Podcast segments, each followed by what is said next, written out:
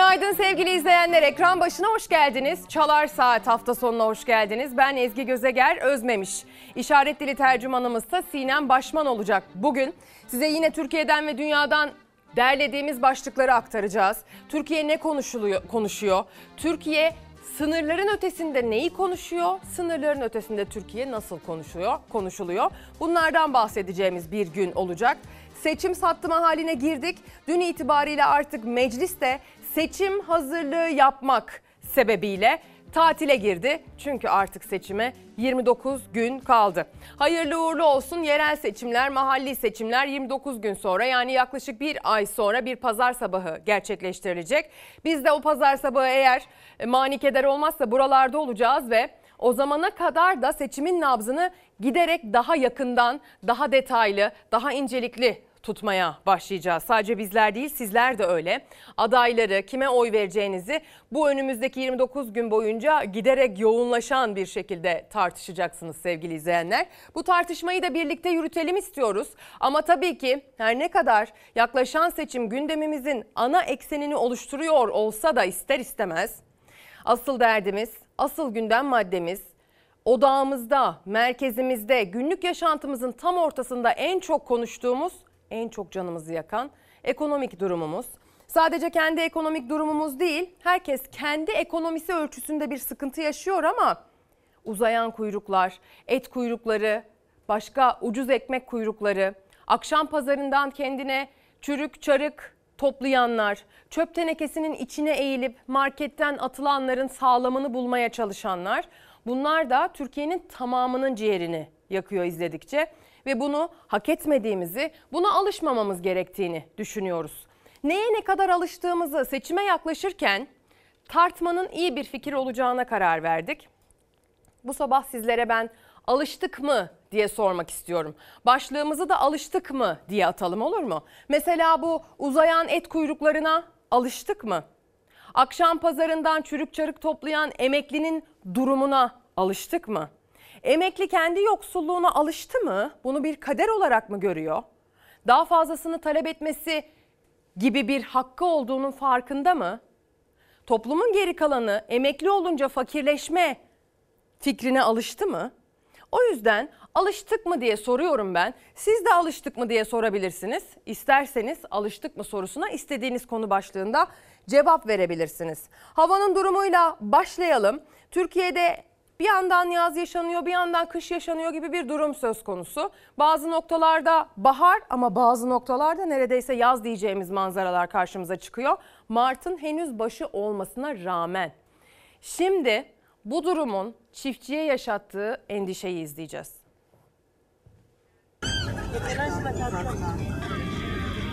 Kış kış gibi geçmedi. Bahar erken geldi. Sıcaklık mevsim normallerinin üstünde. Çiftçi endişeli. Aydın'da eller yağmur duası için gökyüzüne açıldı. Kar yağışının daha az olması e, bize gelecek için çok iyi sinyaller vermiyor. Kışı mevsim normallerinin üstünde sıcaklıkla geçirdi Türkiye. Suyun en önemli kaynağı kar. Beklenen kadar yağmadı. Yağında açan güneşle eridi, tutmadı. Yağmurda beklenen kadar düşmeyince birçok ilde sular çekildi, toprak kurudu. Mevsimsiz çiçek açan ağaçlar susuz kaldı.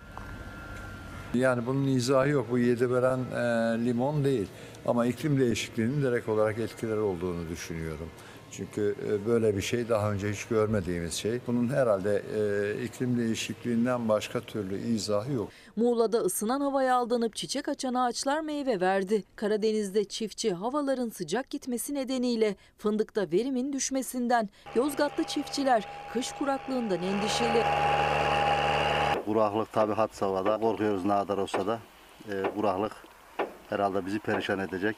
Bir yanda susuzluk endişesi yaşarken üretici, diğer yanda tatilciler denizin, güneşin tadını çıkarıyor. Erken ısınan hava ile birlikte Antalya'da plajlar dolmaya başladı.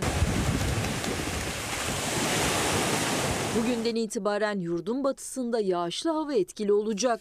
Yağış gün gün yurdun iç kesimlerine daha sonra da tamamına yayılacak. Ancak meteorolojiye göre yağışlı havaya rağmen sıcaklık derecelerinde önemli bir düşüş yaşanmayacak. Hava sıcaklığı yağış alan illerde de mevsim normallerinin üstündeki seyrini sürdürecek. Bugünden itibaren yurdun batısında bir yağış bekleniyor sevgili izleyenler. Ee, bu yağışlı hava tabii ki Mart ayı itibariyle bizim beklediğimiz, istediğimiz, özellikle çiftçinin istediği, beklediği bir yağış. İnşallah şifa olur diyelim. Son dönemde öyle yağışlarla karşı karşıya kalıyoruz ki maalesef bereket değil felakete dönüşebiliyor. Öyle olmamasını ümit edelim. Felaket şeklindeki yağışlara alıştık mı diye de soralım ya da felaket şeklindeki yağışların geleceği zaten yıllardır söyleniyor. Uzmanı tarafından uyarıları yapılıyor. Buna hazırlık yaptık mı? Bu hazırlıksızlığa alıştık mı diye soralım. Sellerde ölmeye alıştık mı diye soralım. Bugün itibariyle yağışlar Ege bölgesinde, Marmara'nın doğusunda biraz İstanbul'u, Sakarya'yı etkisi altına alacak şekilde Kocaeli'yi.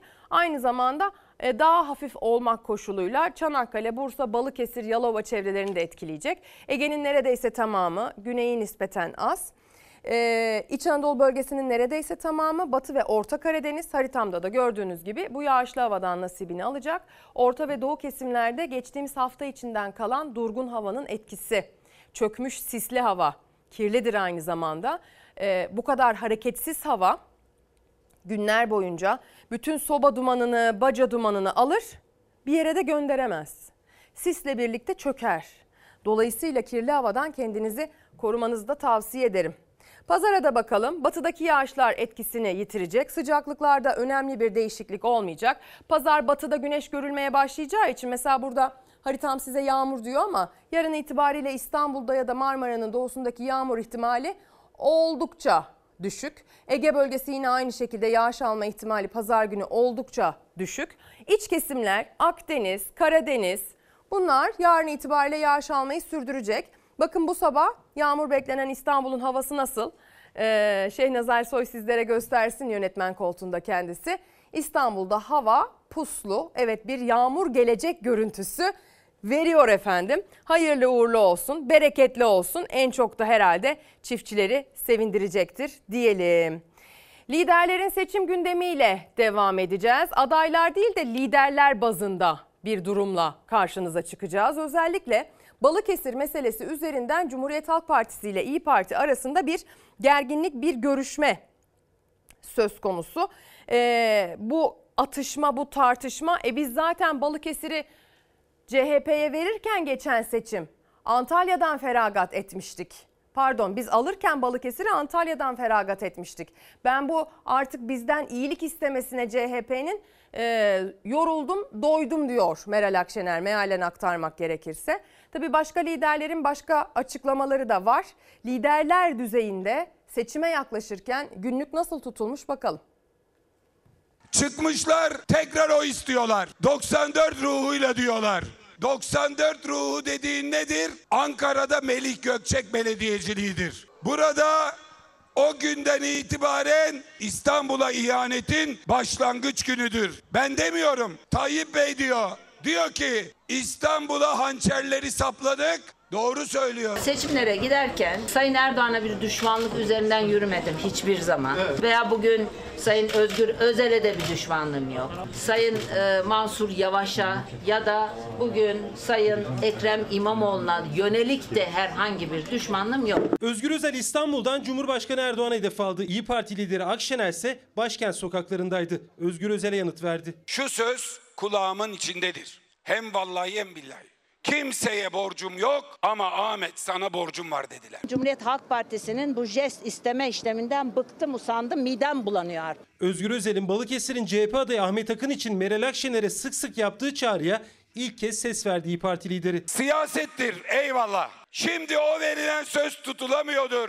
Şahsen eyvallah. Parti olarak eyvallah. Balıkesir bize bırakıldığında Antalya'yı da CHP'ye bıraktık. Döndür baba döndür demek ki bilgileri yok arkadaşların bu konuda. Şimdi ben hatırlatmış olayım. Türkiye İttifakı'nın içinde sosyal demokratlar var. Milliyetçi demokratlar var. iyi insanlar var. Muhafazakar demokratlar var. Türkiye İttifakı'na davet ediyoruz. Zafer Partisi lideri Ümit Özdağ da İzmir'deydi. AK Parti'nin İzmir Büyükşehir Belediye Başkan adayı Hamza Dağ'ın afişinde partisinin logosunu kullanmamasına dikkat çekti. Bu ilana baktığımız zaman Hamza Dağ'ın hangi partinin adayı olduğunu anlamamız mümkün mü? Hamza Dağ, mensup olduğun partiden utanç duyduğun için mi pankartın üstüne partinin adını yazmadın? Deva Partisi Genel Başkanı Ali Babacan da Manavgat'ta CHP seçim ofisine misafir oldu. Beraber çalıştık. Çok destek verdik. Herkes birbirine destek verdi. Bu seçim böyle artık yollar ayrı bu seçim. Biz yine de bu ziyaretinizi manevi olarak destek olarak görüyoruz Sayın. Biz de ziyaret ettik. Adaylarımıza desteğinizi bekliyoruz. Manisa'nın MHP'li Büyükşehir Belediye Başkanı Cengiz Ergün'ün Sarıgöl ilçesinde seçim gezisinde gerginlik çıktı. Ergün'e tepki gösteren vatandaşlarla MHP il başkanı ve yanındakiler arasında kavga çıktı. Eleştiriye tahammül gerek tabii ki sevgili izleyenler. Eleştiriye tahammül edecek kişilerin de başta siyasetteki kişiler olması gerekiyor. Bugünün gazetelerine bakacağız. İsterseniz Korkusuz gazetesiyle emeklinin durumunu bir anlamaya çalışalım. Biliyorsunuz Cumhurbaşkanı Erdoğan bir gün arayla önce ekonominin iyi olduğunu sonra da emekliye bir zam verilmeyeceğini verilemeyeceğini açıkladı. Ekonomi iyiyse madem neden em- emekliye zam verilmiyor soruları soruldu. Korkusuz gazetesi de bu soru üzerinden sürmanşetini şekillendirdi. Hem ekonomi iyi diyorlar hem emekliye zam vermiyorlar. Cumhurbaşkanı Erdoğan'ın peş peşe iki açıklaması kafaları karıştırdı. Kütahya'da birkaç gün önce bütçede para olmadığını belirterek emekliye seyyanen zam kapısını kapatan Erdoğan, Aydın'daysa büyüme rakamını çok başarılı bularak hani ekonomi kötüydü dedi. Büyü- Büyüme rakamı da geçtiğimiz hafta ortasında açıklandı %4,5 olarak. Aslında pandemiden sonraki yıl mesela %11 olmuştu Türkiye'nin büyümesi. Ve bakıldığında ortalama büyümenin de %4,1'de kaldığı söyleniyor. E büyüme zaten Türkiye'nin iyi kötü büyüyecek bir temeli var. Hala o temelin ekmeğini yiyoruz. Büyüme kime pay ediliyor? Önemli olan bu. Büyüme acaba emekliye fayda sağlıyor mu? İşçiye, asgari ücretliye, dar gelirliye, taşeronda çalışana fayda sağlıyor mu? Memura, memur emeklisine fayda sağlıyor mu? Belli ki sağlamıyor. Siyaset emeklinin durumunu ve bu zammın tartışmasını hararetle sürdürüyor. Birileri çıkıyor emekli maaşlarına 7 bin lira, 10 bin lira seyyanen ekleyelim diyerek kendi akıllarınca emeklilerimizi tahrik ediyor. Keşke kışkırtabilsem, emeklileri sokağa dökebilsem. Keşke emekliler haklarını aramak için yürüseler, işçiler yürüseler. Keşke 500 bin tane emekli Taksim'e gitse de Taksim'i zapt etse diyecek darbe çağırıyor. Sokağa davetlerler bakın hak aramak hak. Düşük kalan emekli maaşları, yükselen zam talepleri üzerine Cumhurbaşkanı Erdoğan'ın kapıyı kapatarak emeklimizi tahrik ediyorlar sözleri. CHP Genel Başkanı Özgür Özel'in yanıtı. Bir yanda sokak, bir yanda siyaset emeklinin geçim derdini tartışırken, emekli cebine girenle geçinemediğini her fırsatta dile getirirken, emeklilere 3 bin liralık bayram ikramiyelerini de düzenleyen 8. yargı paketi Türkiye Büyük Millet Meclisi Genel Kurulu'nda kabul edildi. Teklif kabul edilmiş ve kanunlaşmıştır. Hayırlı olmasını Cenab-ı Allah'tan temenni ediyorum. Demokrasi tepki ve protesto rejimidir. Bundan tartışacaklar. Sen emeklinin gırtlağına basacaksın. Bir tokat atacaksın öbür yanağını dönecek. 10 bin lira verdiğin emekli susuyorsa 10 bin lira verdiğin emekli bir şey demiyorsa onu kışkırtmak benim vatan görevim vatan. 16 milyon emeklimiz var. Emekli maaşlarına 7 bin lira eklemek demek bütçeden yaklaşık 1,4 trilyon liralık bir kaynağı buraya aktarmak demektir. Emeklerimizin çağrıları haksız değildir. Gerekli iyileştirmeler cömertle yapılacaktır. Biz bu filmi daha evvel görmemiş miydik? Tam emekli maaşları konuşulurken Devlet Bahçeli'nin genel kurula geldiği ve maaşların yükseltilmesi konusunda müdahalede bulunacağı yazılıyordu. Bu iyi polis kötü polis oyununu bu memleket çok açık olarak gördü. Erdoğan'ın maliyet hesabıyla başladı tartışma. Emekliye zam yapılamayacağını kaynak yok diye açıkladı. Ama Cumhur İttifakı ortağı Devlet Bahçeli, Erdoğan'ın aksine emekliler haklı, gerekli iyileştirmeler yapılacak dedi. İyi Parti lideri Akşener Akşener de sığınmacılara harcanan parayı hatırlattı. O zaman şöyle yapacaklar. Suriyelilere, Afganlılara ödediklerini kesip bu arkadaşlarımıza verecekler. O para Türkiye'de var. Askeriyle, polisiyle devletin çalışanlarının yarısından fazlasına maaşlarını vermesek o zaman belki bu ilave gideri karşılayabiliriz. İnsanları birbirine düşürecek bir açıklama yapıyor. Bir süre sonra polis diyecek ki benim maaşımdan kesme emekliye verme. Bir emekli protesto yürüyüşünde polisin tutumu buna göre şekillenecek. Biz bu milleti sokağa da dökeceğiz kardeşim. Sokağa çıkacağız, hakkımızı alacağız, evimize döneceğiz. Çerçeve cam kırmayacağız ama hakkımızı arayacağız hep beraber. Cumhurbaşkanının açıklamaları muhalefetin tepkisi. CHP Genel Başkanı Özgür Özel emekliye zam mücadelesi sokakta sürecek dedi. İlerleyen dakikalarda sizlere büyümeye rağmen gıda enflasyonunun ne hale geldiğinden de bahsedeceğiz. O büyüme rakamlarından övgüyle söz ediyor bizi yönetenler ama e, büyümenin olmadığı adresler de var. Tahmin edin hangi sektörde küçülme yaşanmıştır? İnşaat sektöründe yaşanmış mıdır mesela? İnşaat sektöründe e, küçülme beklemiyoruz ama büyüme de beklenen ölçüde olmadı 0,8 puanla gerçekleşti. Yani e, beton yiyerek karnını doyuran bir ekonomiden 0,8'lik bir büyümeye kadar gelmiş durumda. İnşaat sektörü de sinyal veriyor ve küçülmenin yaşandığı sektör tarım. Alıştık mı? Yoksa hala şaşırabiliyor musunuz bu söylediklerimi? Devam edelim. Enflasyondan, gıda enflasyonundan, İstanbul'un %76 açıklanan enflasyonundan ilerleyen dönemde bahsedeceğiz. Ama zaten bütün bunların neticesi olan bir haberle devam edeceğiz. Geçtiğimiz hafta boyunca İlker Karagöz gitti bizzat canlı yayınlar yaptı. Yeşim Karacaoğlu, diğer tüm muhabir ve kameraman arkadaşlarım, Nav Haber ekipleri gerek Ankara'da gerek İstanbul'da Derya tuttular et kuyruklarının nabzını. Ucuza gıda almak için ileri yaşlarına rağmen, sağlık problemlerine rağmen, ayakta durmakta zorlanıyor olmalarına rağmen bu insanların gidip tir tir titreyerek kuyruklarda beklemek suretiyle sadece 1 kilogram kıyma almak için ne çektiğini ekrana taşıdılar. Emekliyi kışkırtmaksa bu, kışkırtıyor olabiliriz. Emekliyi tahrik etmekse bu, tahrik ediyor olabiliriz. Kabul edebiliriz belki bunu. Ama olmayan bir şeyi göstermediğimiz kesin öyle değil mi? Bu insanlar her gün oradalar. İlla bizim haber yapıp kamera tutmamızı beklemeyip kendiniz de gözlerinizle gidip görebilirsiniz. Hatta belki gitmişken 200 liralık bir kar edebilirsiniz bir kilo kıymadan. Ya 200 lira için çünkü aslında. Hadi izleyelim neler söylüyorlar o kuyruklarda bekleyenler. Neler söylüyorlar o kuyrukları her gün boş bırakmayanlar. İstanbul adresine doğru da bakacağız bu kez. Ee, bunlar sadece kendilerini ilgilendiren görüntüler değil. Yani bu kuyrukta bekleme mecburiyeti bugün kuyrukta beklemeye mecbur olduğunu düşünenlerin derdi değil sadece. Yarın o kuyruklarda biz de olabiliriz. Hani bunu şu minvalde söylemiyorum. Yarın aynı şey bizim de başımıza gelebilir. Kınamayalım ya da işte şöyle yapmayalım gibi bir şeyle söylemiyorum. Ek- ekonomik veriler ve matematiksel gidişat yarının emeklilerinin bugünkünden çok daha zor durumda olacağını söylüyor.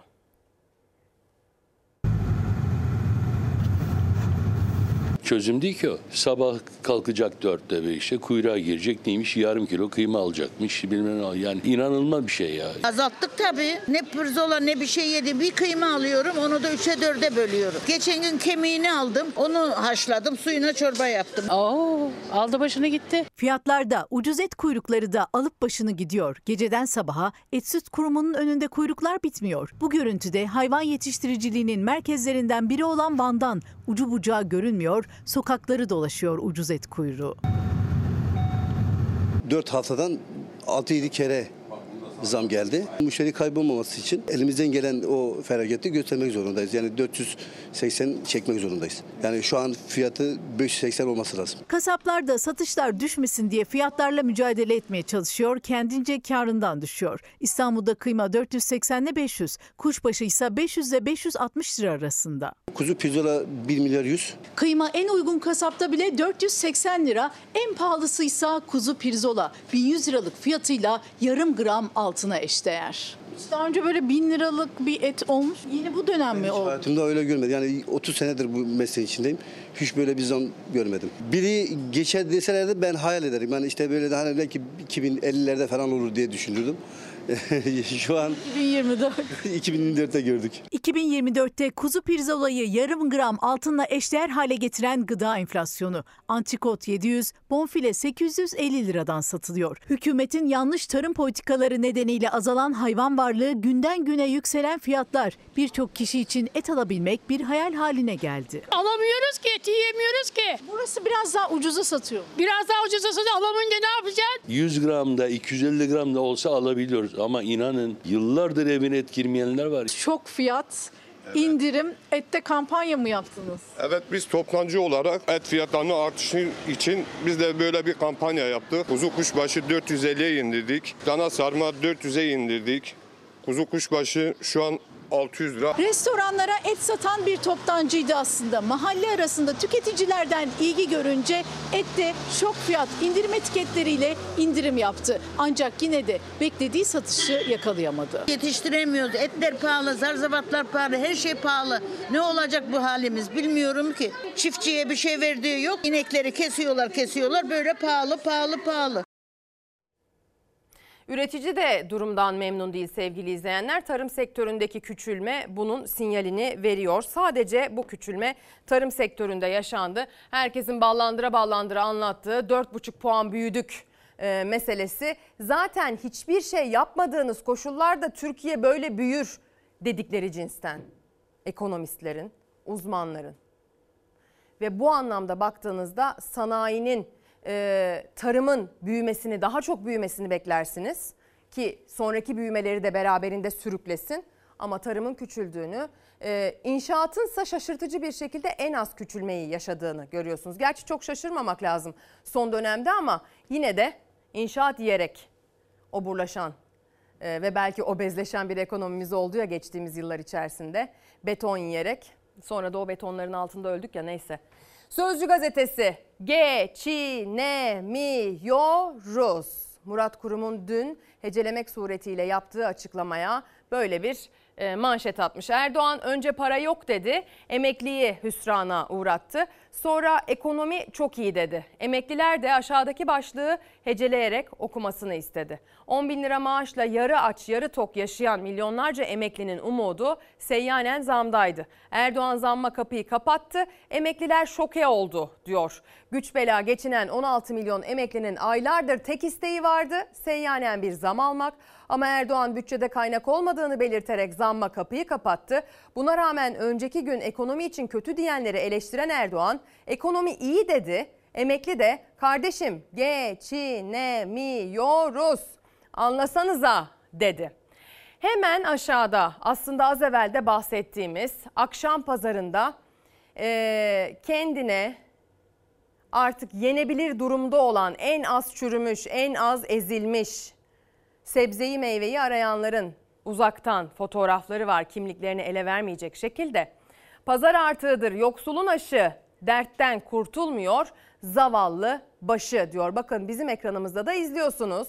Geçtiğimiz haftaya damga vuran görüntülerden bir tanesi bir market karşısındaki konteynerin içinden kendine yiyebileceği şekilde sebze ayıklayan bir hanımefendi. Mamak'ta, Ankara'da. Sözcü nasıl aktarmış? Akşam pazarlarının ve akşam pazarında çürük olmayan sebze meyve arayanların durumunu okuyalım. Akşam pazarlarda bu görüntü var diyor gazete. Türkiye %4,5 büyüyor ama halkın geliri küçülüyor. Dar gelirli pazardan topladığı artık sebze meyveyle tencere kaynatıyor demiş. Esnafın attığı sebzeleri alıyorlar. Burası İstanbul Kadıköy'deki salı pazarı. Vatandaş yere atılan sebze meyveleri utana sıkıla toplayıp eve götürüyor. Milletin bu milleti bu hale düşünen düşürenler utansın denmiş. Bir başka yoksulluk görüntüsü daha. Bir marketin çöpe attığı çürük gıdaları vatandaşlar kapış kapış aldı diyor. Milleti bu hale düşürenler utansın başlığı bana dün içinde bulunduğum bir diyaloğu hatırlattı. Tesadüfen bir ortamda bir doktorla denk geldim. Genç bir doktor. Ee, büyük bir şehir hastanesinin e, acil servisinde çalışıyor. Yani işi çok yoğun olanlardan. Genç de e, bir hanımefendi. E, düşünüyor musunuz yurt dışına gitmeye diye sordum. Açıkçası sınavlara hazırlanıyorum dedi utanarak. E, ve sonra da döndü dedi ki bizi buna mecbur bırakanlar utansın dedi. Benzer bir diyaloğun içinde bulunmuştum bu konu başlığıyla alakalı. Yetişmiş insanlarımız yüksek eğitim görmüş ve gerçekten ülkenin geleceği için hem ekonomik olarak hem de canımızla sağlığımızla ilgili varlığına muhtaç olduğumuz doktorlarımız örneğin, mühendislerimiz, teknoloji eğitimi alanlarımız, yazılımcılarımız çareyi hep yurt dışında okumakta ya da çalışmakta buluyorlar. Çünkü onların o yüksek eğitimi ve kalifiye olmalarını sağlayan özelliklerine yurt dışındaki firmalar, yurt dışının devletlerinin kurduğu sistemler, gelişmiş ülkeler veriyor, takdir ediyor onları. Dolayısıyla gitmek niyetinde oluyorlar. Biz de bugün e, verdiğimiz eğitimde çocuklarımıza değerler eğitimi kisvesi altında nasıl mümin olunur, nasıl dindar olunur onu öğretiyoruz. Çocuklar dindar olmayı da öğrensinler. Çocuklar anne babaları hangisini tercih ediyorsa o yolda bir inanan olmayı da öğrensinler. İnansınlar. Olabilir. Bu hiç kimseyi ilgilendiremez. Bu hiç kimseye e, hayır olmaz dedirtebilecek bir durum değil. Ama bunun yeri önemlidir. Bakın yarın 3 Mart. 3 Mart 1924'te Atatürk bu ülkede laiklik var dedi artık. Kayıtlara geçti, resmiyet kazandı. Hatta bu anlamda 3 Mart'ın dünya e, Türkiye'de laiklik günü kutlanması olarak kutlanması için Cumhuriyet Halk Partisi önerge de verdi.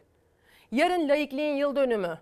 Ama bugün biz okullarda annesine babasına soruldu mu sorulmadı mı büyük bir soru işareti olan çocuklara dini eğitimin hem de pedagojik olarak asla olmayacak şekilde verildiğini görüyoruz. Bu ekranlara taşımak zorunda kalıyoruz. Ee, dün akşam saatlerinde biliyorsunuz Türkiye'nin en çok izlenen tartışma programı Orta Sayfa NAV ekranlarında Cuma akşamları saat 23.30'da herkesi ekrana kilitliyor. Dün akşam da Orta Sayfa akşamıydı. Ee, yine Doğan Şentürk moderatörlüğündeki deneyimli gazeteciler pek çok konuyu masaya yatırdıkları gibi bu okullardaki dini eğitimi, ÇEDES projesini, e, değerler eğitimi denen e, eğitim şeklini masaya yatırdılar. Biliyorsun Milli Eğitim Bakanlığı ile Diyanet İşleri Başkanlığı bir proje var. ÇEDES projesi. Nedir ÇEDES, proje- ÇEDES projesi? Çevreme duyarlıyım, değerlerime sahip çıkıyorum projesi kapsamında öğrencilerle işte bir takım faaliyetler yürütülüyor. En son kurban ibadeti e, kapsamında kurban ibadeti anlatılırken çocukların eline bıçak verildi. Kartondan hayvanlar kestirildi. Kesimi yapıldı. Ve e, o bir başka okulda Filistin'den esinlenen bir eğitimci öğrencileri ellerini kelepçeli gibi yapıp kameralara gülümsetti. E, bir başka yerde Menemen'de biliyorsunuz Kubilay'ı, devrim şehidimiz, Kubilay'ı, Cumhuriyet'in devrim şehidi Kubilay'ı katledenlerin arasında olan ve azmettiricileri olan birinin mezarı ziyaret edildi. Mezarlık yani yani, artık evet. anlatılacak gibi değil. Hüseyin şu anda görüntüleri veriyoruz sanıyorum. Ne diyorsun bu durumlara? Geldiğimiz nokta bu. Yani şu an yeni yüzyılda Türk milli eğitimin hali bu. Şimdi öncelikle şunu söyleyeyim. Buna velilerin onay vermesi gerekiyor. Bu olayı ÇEDES adı altında çevreme duyarlıyım. Biz burada çevre duyarlılığı ile ilgili bir şey görmüyoruz. Onun bence kılıfı. Değerlerime sahip çıkıyorum da çocuklara e, çok erken yaşta e, hiç de hiçbir yetkinliği de olmayan kişiler tarafından e, dini eğitim verilmesini hedefleyen bir proje bu. E, böyle ekolojik bir şey Kaldı falan ki değil. dini eğitim de değil bu yani. Değil, değil, değil. Yani tabii şimdi pedagojik formasyon Evet. eğitimde o kadar önemli bir şey ki. e, yani onun altını kalın kalın çizelim burada. Pedagojik formasyonu olmayan kişiler, görevliler, gönüllü abiler, ablalar, lise, üniversite öğrencileri falan öyle şeyler var protokolde. Bu çocuklara kendi yetkinlikleri, birikimleri dışında e, eğitim vermelerin, tırnak içinde eğitim vermelerinin önü açılan ve işte manzaraları da e, görüyoruz burada. Bence burada esas amaç e, zihinsel gelişimini tamamlamamış çocukların, küçük çocukların eleştirel düşünmesinin, sorgulamasının, e, hayal dünyalarının gelişmesinin önünü kesmek. Yani bunun adını net olarak e, koymak gerekiyor. Hatırlıyor musun bu işte FETÖ'cülere mankurt ma- de- diyordu. Mankurtlaşmış bunlar Evet. diyordu. Aslında mankurtlaşmadan şikayetçi değil bu hükümet. Mankurtlaşma istiyor. Şimdi bak e, müfredatı değiştiriyorlar. Evrimi çıkartıyor. E, integrali çıkartıyor. Yaratılış Matematiği daraltıyor. Ya tamam din eğitimi vereceğim diyor. Sabahtan akşama Hazreti Muhammed'in hayatı bir ders her sene 8 kere okutulmaz. Yani matematik kaldırılıp din dersi konulmaz. Bu insanlar diyor ki yani herkes benim kulum kölem olsun. İnsanlar sorgulamasın, çok fazla alternatif bir şey öğrenmesin, dünyaya açık olmasın. Çok işte basit bir takım temel şeyler öğretelim. Koy kaldır aynı şeyi öğretelim. E, televizyonlarda sabahtan akşama dizlerle propaganda basalım. İşte mankurtlaşma bu. Ne demişti Milli Eğitim Bakanı kürsüden? Sizin cemaat dediğiniz, tarikat dediğiniz, bizim STK dediğimiz bu kurumlarla protokollerimizi yapmaya çatır çatır devam edeceğiz demişti. Meydan okuyan bir tavır, yüksek sesli bir e, konuşma e, ve bedensel üslupla. Hatırlıyor musunuz? Hatırlıyorsunuzdur diye tahmin ediyorum eğer bu konuda bir hassasiyetiniz varsa. Cumhuriyet Gazetesi diyor ki sıra eğitimcide. Öğretmenlerin gelişimi İlim Yayma Vakfı'na emanet. Gelişim tırnak içinde. Milli Eğitim Bakanlığı öğrencileri dinci vakıfların kucağına bıraktı. Şimdi sıra öğretmenlere geldi. Bilal Erdoğan'ın yönetiminde olduğu İlim Yayma Vakfı'yla Öğretmen Gelişim Sertifika Eğitim Programı protokolü imzalandı. Eğitimciler öğretmene hakarettir, liyakatin artık iyice çürüdüğünü gösterir. Hangi yetkinlikle bunu yapacaklar tepkisini gösterdi diyor. Bakalım nasıl gerçekleşecek? Bu sertifika eğitim programına katılanlara acaba uzman öğretmen, baş öğretmen falan filan denmişti ya sınavdan sonra. Verilecek mi bir ek ücret? Verilecek mi bir e, ek ünvan? Acaba gitmeyenler fişlenecek mi? Fişlenenlere ne yapılacak? Bunların hepsini zaman gösterecek. Alıştık mı efendim laikliğin bu kadar e, erozyona uğramasına, aşındırılmasına?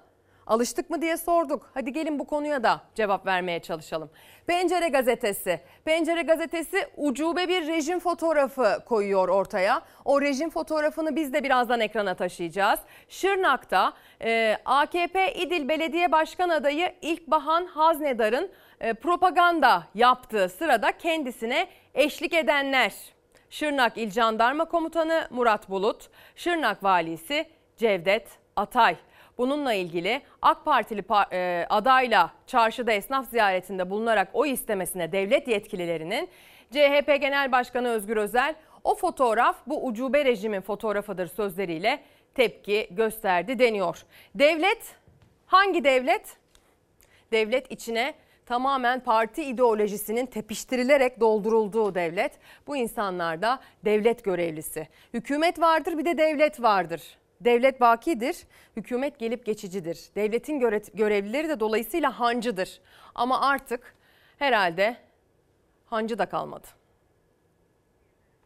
Recep Tayyip Erdoğan'ın dolma kalemi il başkanı atıyor Şırnak'a. Öğleden sonra vali atıyor. İkisi aynı mürekkebin insanı oldukları için birlikte gezip kampanya yapmayı da normal sanıyorlar.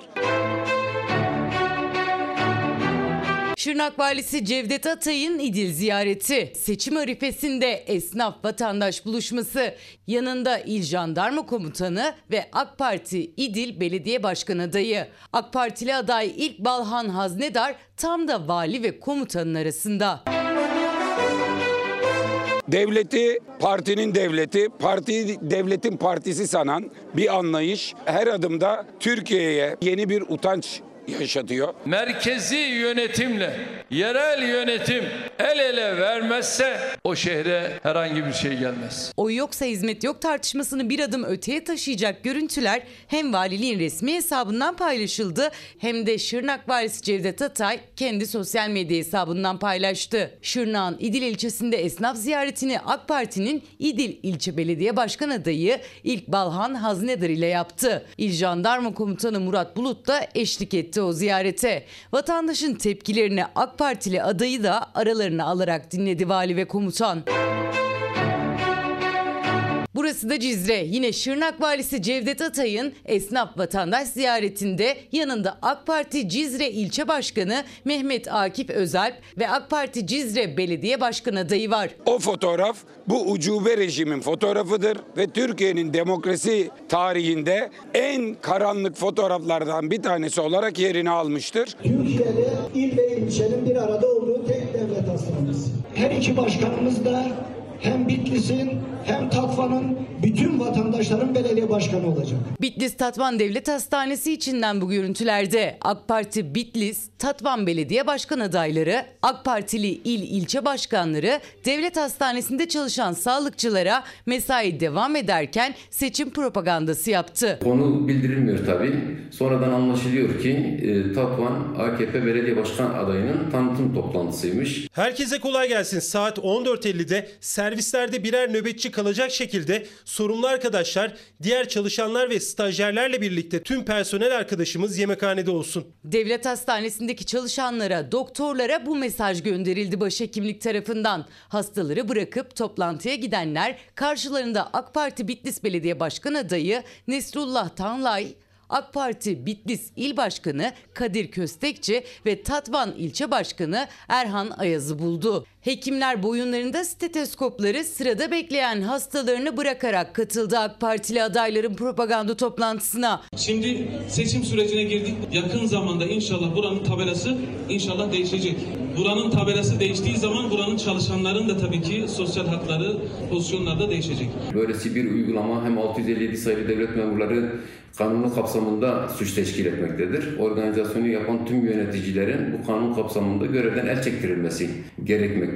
Sağlık Emekçileri Sendikası Bitlis'in tek devlet hastanesinde hastane çalışanlarının mesai saatinde seçim propagandası için toplantıya çağrılmasıyla ilgili Sağlık Bakanlığı'nın soruşturma açmasını istiyor.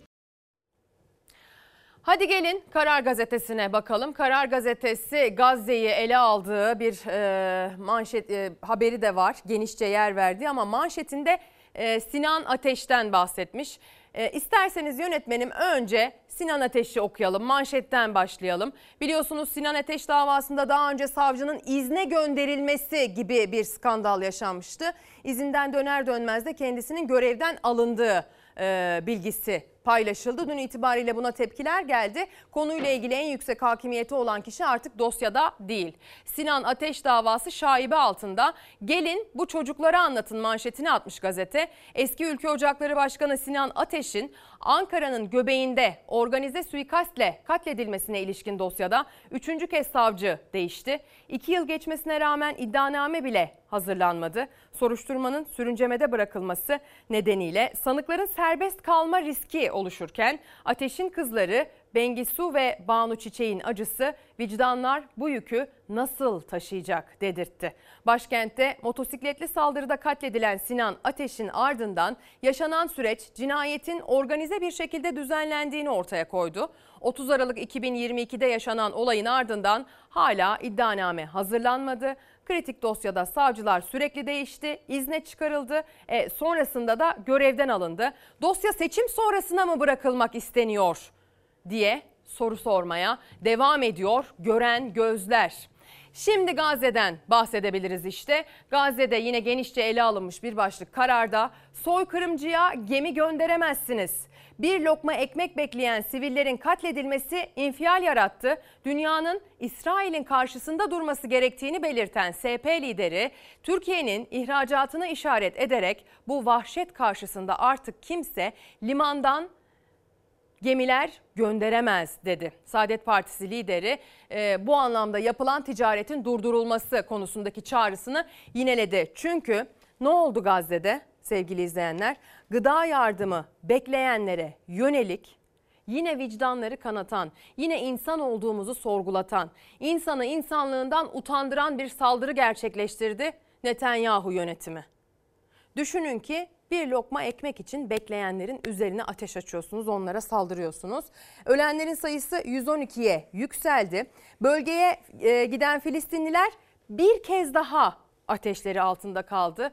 Netanyahu yönetimindeki askerlerin.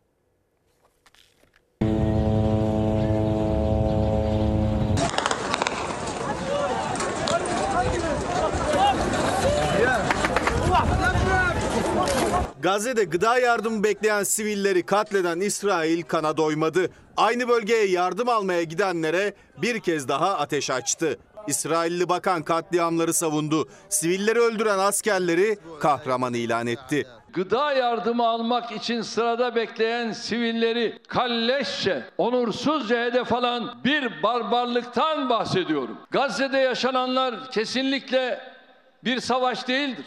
Bir soykırım girişimidir. İsrail Gazze'deki katliamlarının en kanlılarından birini gerçekleştirdi. Yardıma ulaşmaya çalışırken üzerlerine açılan ateşle hayatını kaybedenlerin sayısı 112'ye ulaştı. Vahşete tanıklık edenler yaşadıkları dehşeti anlattı.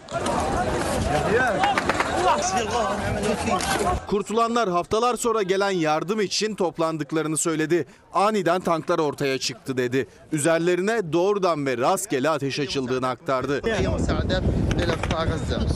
Dünya katliam haberiyle sarsılırken Filistinliler yeni yardım geleceği beklentisiyle aynı bölgede toplandı. Sabahki vahşet tekrarlandı.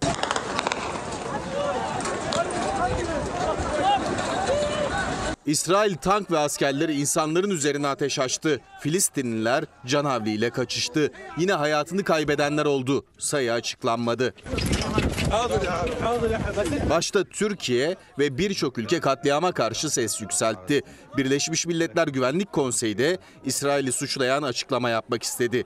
ABD engeline takıldı. Netanyahu yönetimi işgal, yıkım ve katliam politikalarını dün olduğu gibi pervasızca sürdürebiliyor. İsrail'e ilk günden beri koşulsuz destek veren batılı güçler ise tazıya tut, tavşana kaç diyen iki yüzlü politikalarıyla dökülen kana ortak oluyor. İsrail saldırıları altındaki Gazze'de insanlık dramı derinleşiyor. Filistinli yetkililer 10 bebek ve çocuğun açlıktan hayatını kaybettiğini açıkladı. Alıştık mı efendim Gazze'den böyle görüntülerin gelmesine? Küçücük çocukların, masum kadınların böyle acımasızca, orantısızca uygulanan bir güç sonucunda katledilmesine. Soykırıma varan, soykırıma varan diye başlıklar atıldı. Bir soykırım var. Varanı bir kenara bıraktık çoktan. Ee, bu soykırımın gözler önünde yaşanıyor olmasına alıştık mı diye sormak lazım. Mesajlarınız geliyor. Günaydın Olimpos sabahından selamlar diyen Kadir Bey'e. Kadir abimize buradan selamlar. Kendisi bizi mesajsız bırakmaz. Alıştık mı başlığına Ruhi Becenek de bir mesaj göndermiş. Daha dün iktidar partisinin belediye başkan adayı çıkıyor diyor ki Gazze'nin özgürlüğü için benim kazanmam lazım. Devleti yıllardır yönetirken yapamadığını belediyeyi kazanınca yapacakmış. Ama diğer taraftan gerçekleri kimse görmüyor. Yoksulluk sınırı 52 bin lirayı geçtiği için artık yoksul değiliz. Açlık sınırı 18 bin lirayı geçtiği için aç bile değiliz. Milyonlarca insan gıda, barınma, sağlık sorunlarıyla uğraşırken eğitim, tarım, hayvancılık, adalet arayışı ve toplumu millet yapan diğer değerleri göremiyor. Kalabalık içerisine gittikçe yalnızlaşıyoruz. Soruyorum şimdi tüm inanılmaz gelen her soruna alıştık mı diye. Galiba alıştık. Şimdi sizi Birleşik Krallık Başkonsolosluğu'nun bahçesine götüreceğim. Başkonsolos Kenan Poleo bir start düdüğü çaldı, bir start verdi. Neye başlangıç işareti verdi onu söyleyeyim size. Beşiktaş, Fenerbahçe ve Galatasaray'ın genç kadın takımlarının antrenmanına.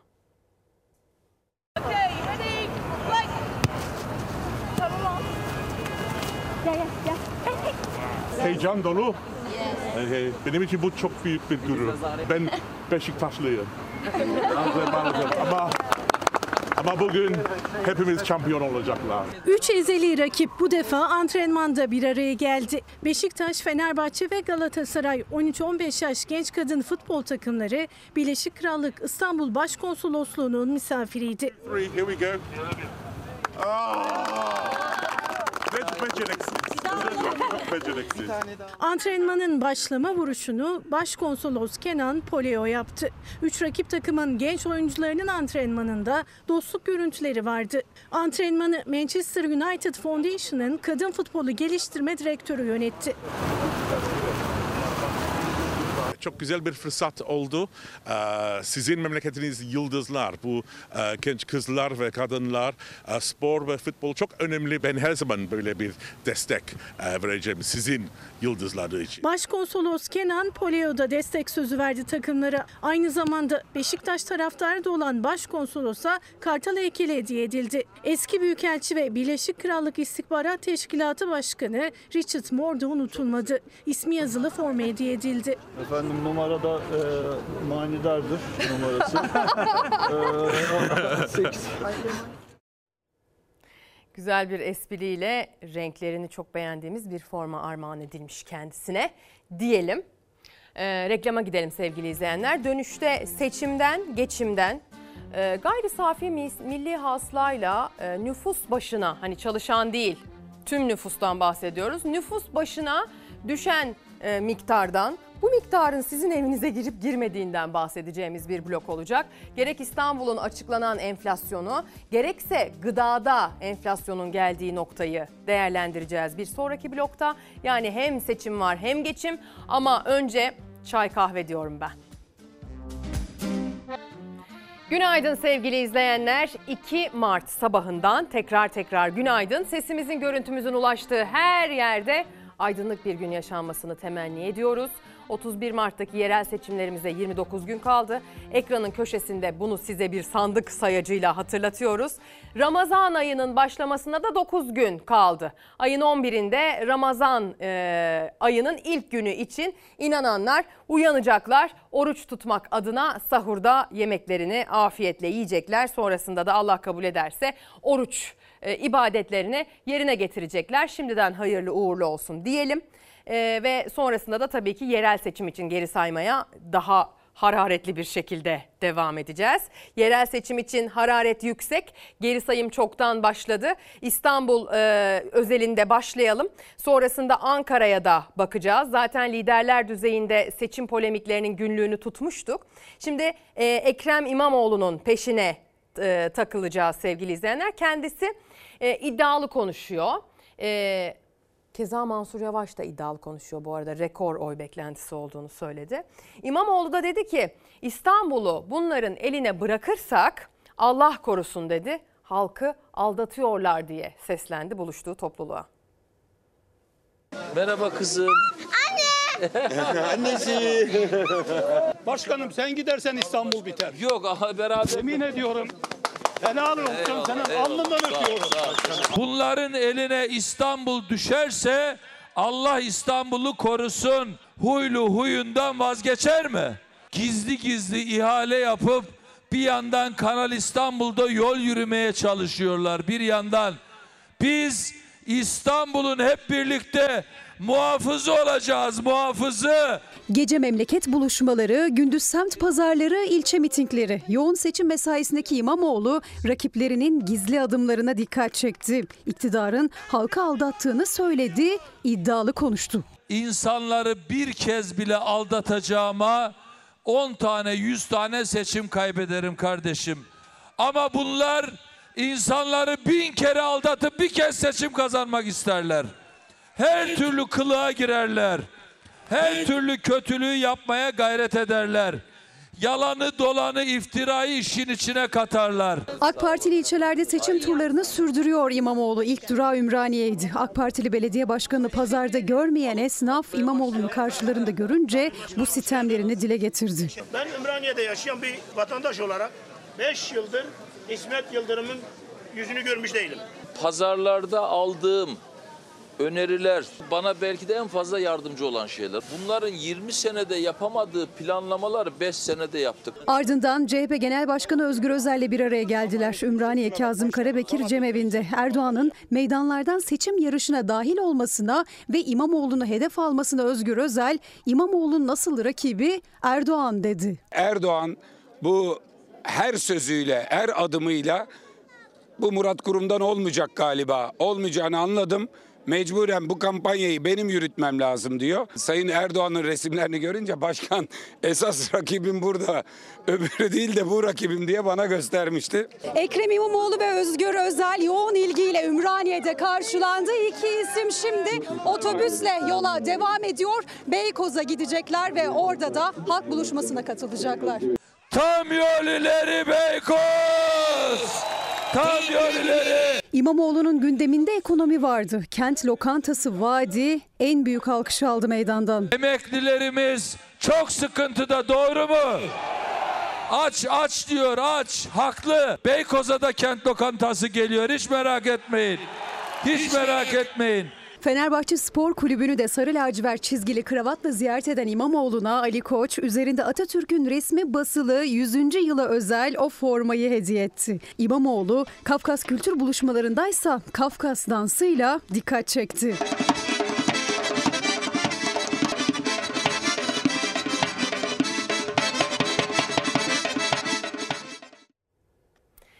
Sevgili izleyenler, e, Murat Kurum'un peşine takılacağız. Şimdi de İstanbul'un adaylarının peşine takılmak niyetindeyiz ya hani. Başka adayları da sık sık ekrana taşıyoruz. E, takdir edersiniz ki bu iki aday ekseninde e, gelişiyor olaylar. Bir Pencere Gazetesi'nden detay okuyalım bu anlamda. Pencere Gazetesi canlı yayında tartışma daveti başlığıyla kurum yanaşmadı demiş bu sabah ilk sayfadan.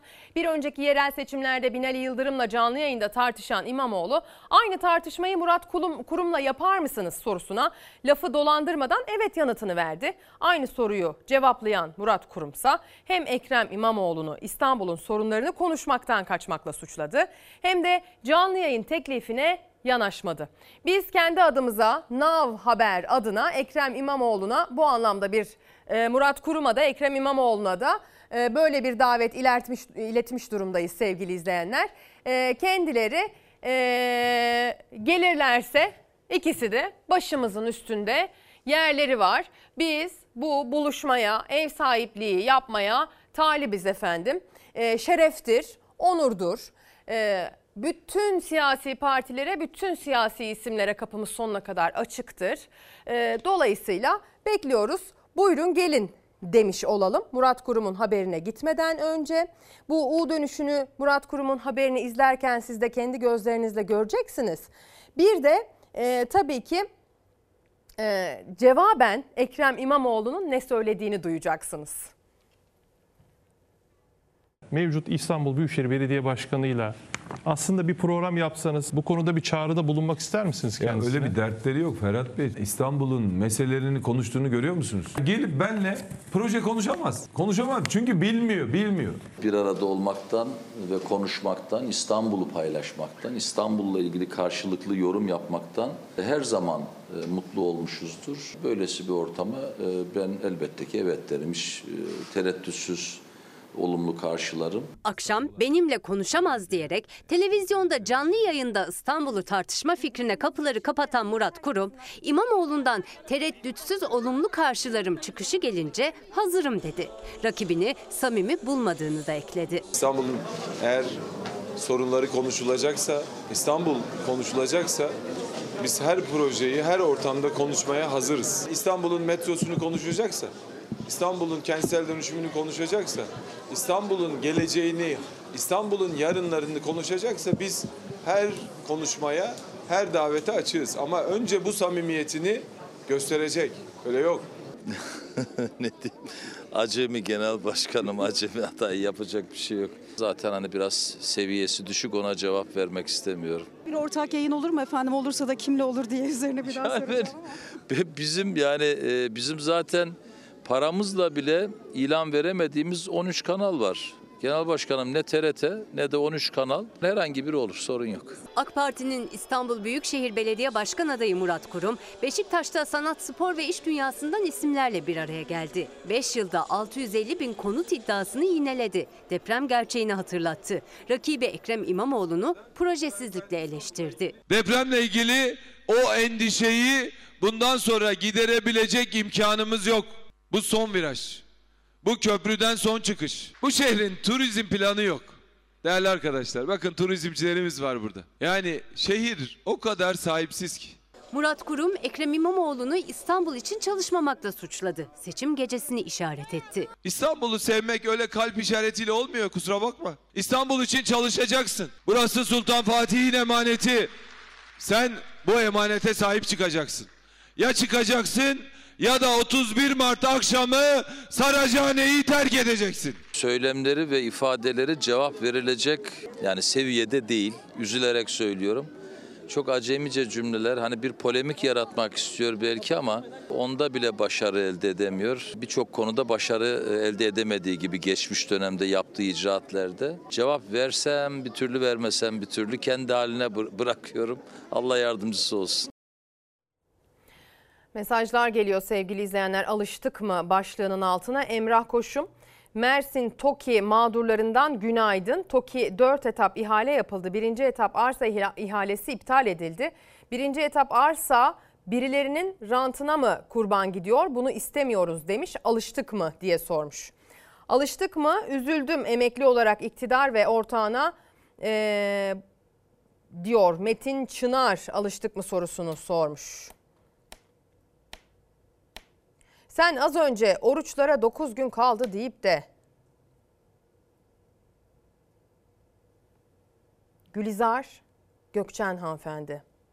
Günaydın. Size de günaydın. Aç, emekli aç ama kendisi sefalarından emekliyi görmüyor demiş bir diğer izleyicimiz. Dün et kuyruğundaki İlker Bey haber yaparken eee, et siparişi verdim kendisine görmedi diyor. Ben İlker Karagöz'e iletirim Fersan Bey. İBAN'a atacaktım halbuki tutarı. Kargo ücretini de ben karşılayacaktım. Gitmişken bana da alsın diyor yani. Evet oralara gidemiyor e, herkes çünkü her yerde yok çok az yerde var biliyorsunuz. Giden de birbirine sipariş ediyor ama e, kotayla alabiliyorsunuz istediğiniz kadar alamıyorsunuz biliyorsunuz.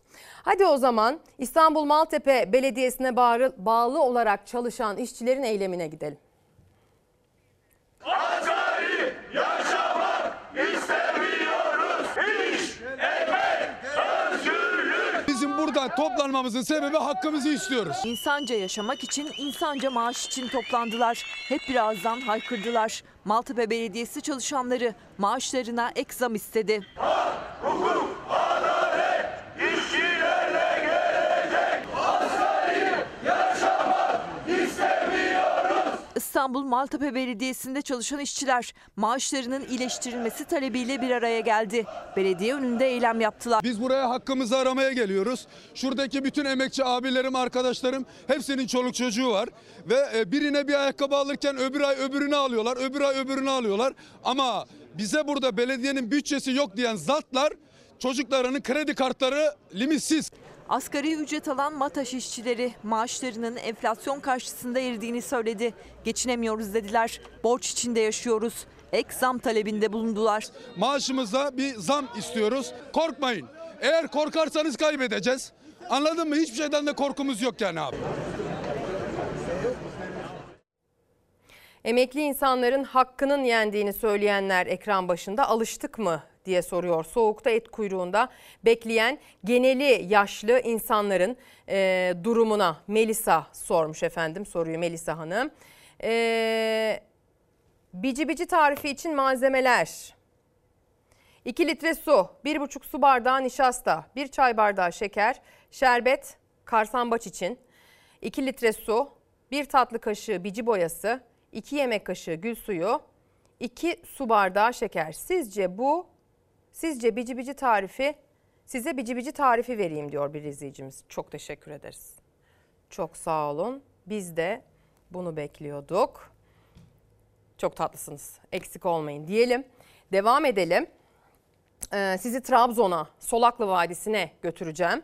Aslında e, size e, Uzungöl'deki HES'ten bahsedeceğimi söylesem muhakkak eğer bizi takip ediyorsanız, Now Haber'i takip ediyorsanız buna dair haberlere daha önce de şahitlik etmişsinizdir. Danıştay kararıyla 2014 yılında iptal edilmişti o HES projesi. 10 yıl sonra hortladı.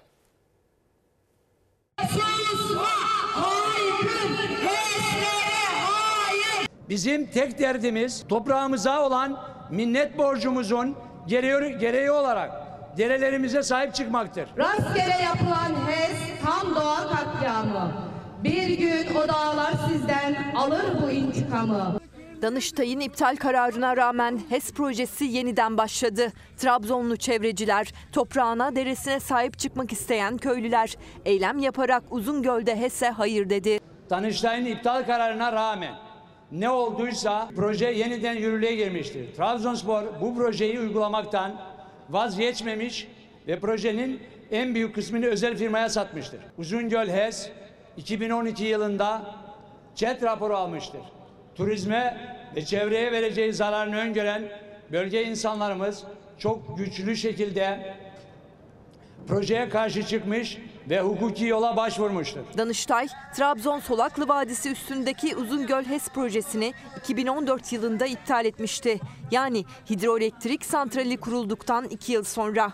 Bu süre zarfında herhangi bir çalışma yapılmadı ama 2 yıllık HES süreci bile yöre halkının iddiasına göre ağaçları, dereleri kuruttu, doğayı tahrip etmeye yetti. Ve Danıştay'ın iptal kararından tam 10 yıl sonra o proje yeniden yürürlüğe girdi. Trabzonspor'un bu projede beklediği gelir yıllık ortalama 1 milyon dolar civarındadır. Fakat Uzungöl'ümüz turizm potansiyeliyle ülke ekonomisine katkısı yıllık ortalama 1,5 milyar dolardır. Bu da HES'ten beklenen gelirin 1500 katıdır. Bir dere düşünün ki içinden ip akıyor. Ne balığı zıplıyor ne bülbülü şakıyor. Bin yıllık yatağını ellere bırakıyor. Trabzon Çaykara'da bir araya geldi çevreciler. Doğalarına sahip çıkmak isteyen yöre halkı HES'i protesto etti. Biz bu dağların öz evlatlarıyız diyerek projenin tamamen iptalini istediler. Bu yıl Uzungöl turizminin 50. yılını kutlamayı planlarken üzülerek ifade etmek isteriz ki Uzungöl HES projesiyle cezalandırılmaya çalışılmaktadır. Bu proje ile insanların seyrede seyrede Uzungöl'e çıktığı Solaklı Deresi 10 kilometre boyunca yok ola- olacakken bu manzaraya alışmış insanlara derenin kuruduğunu nasıl açıklayacaksınız?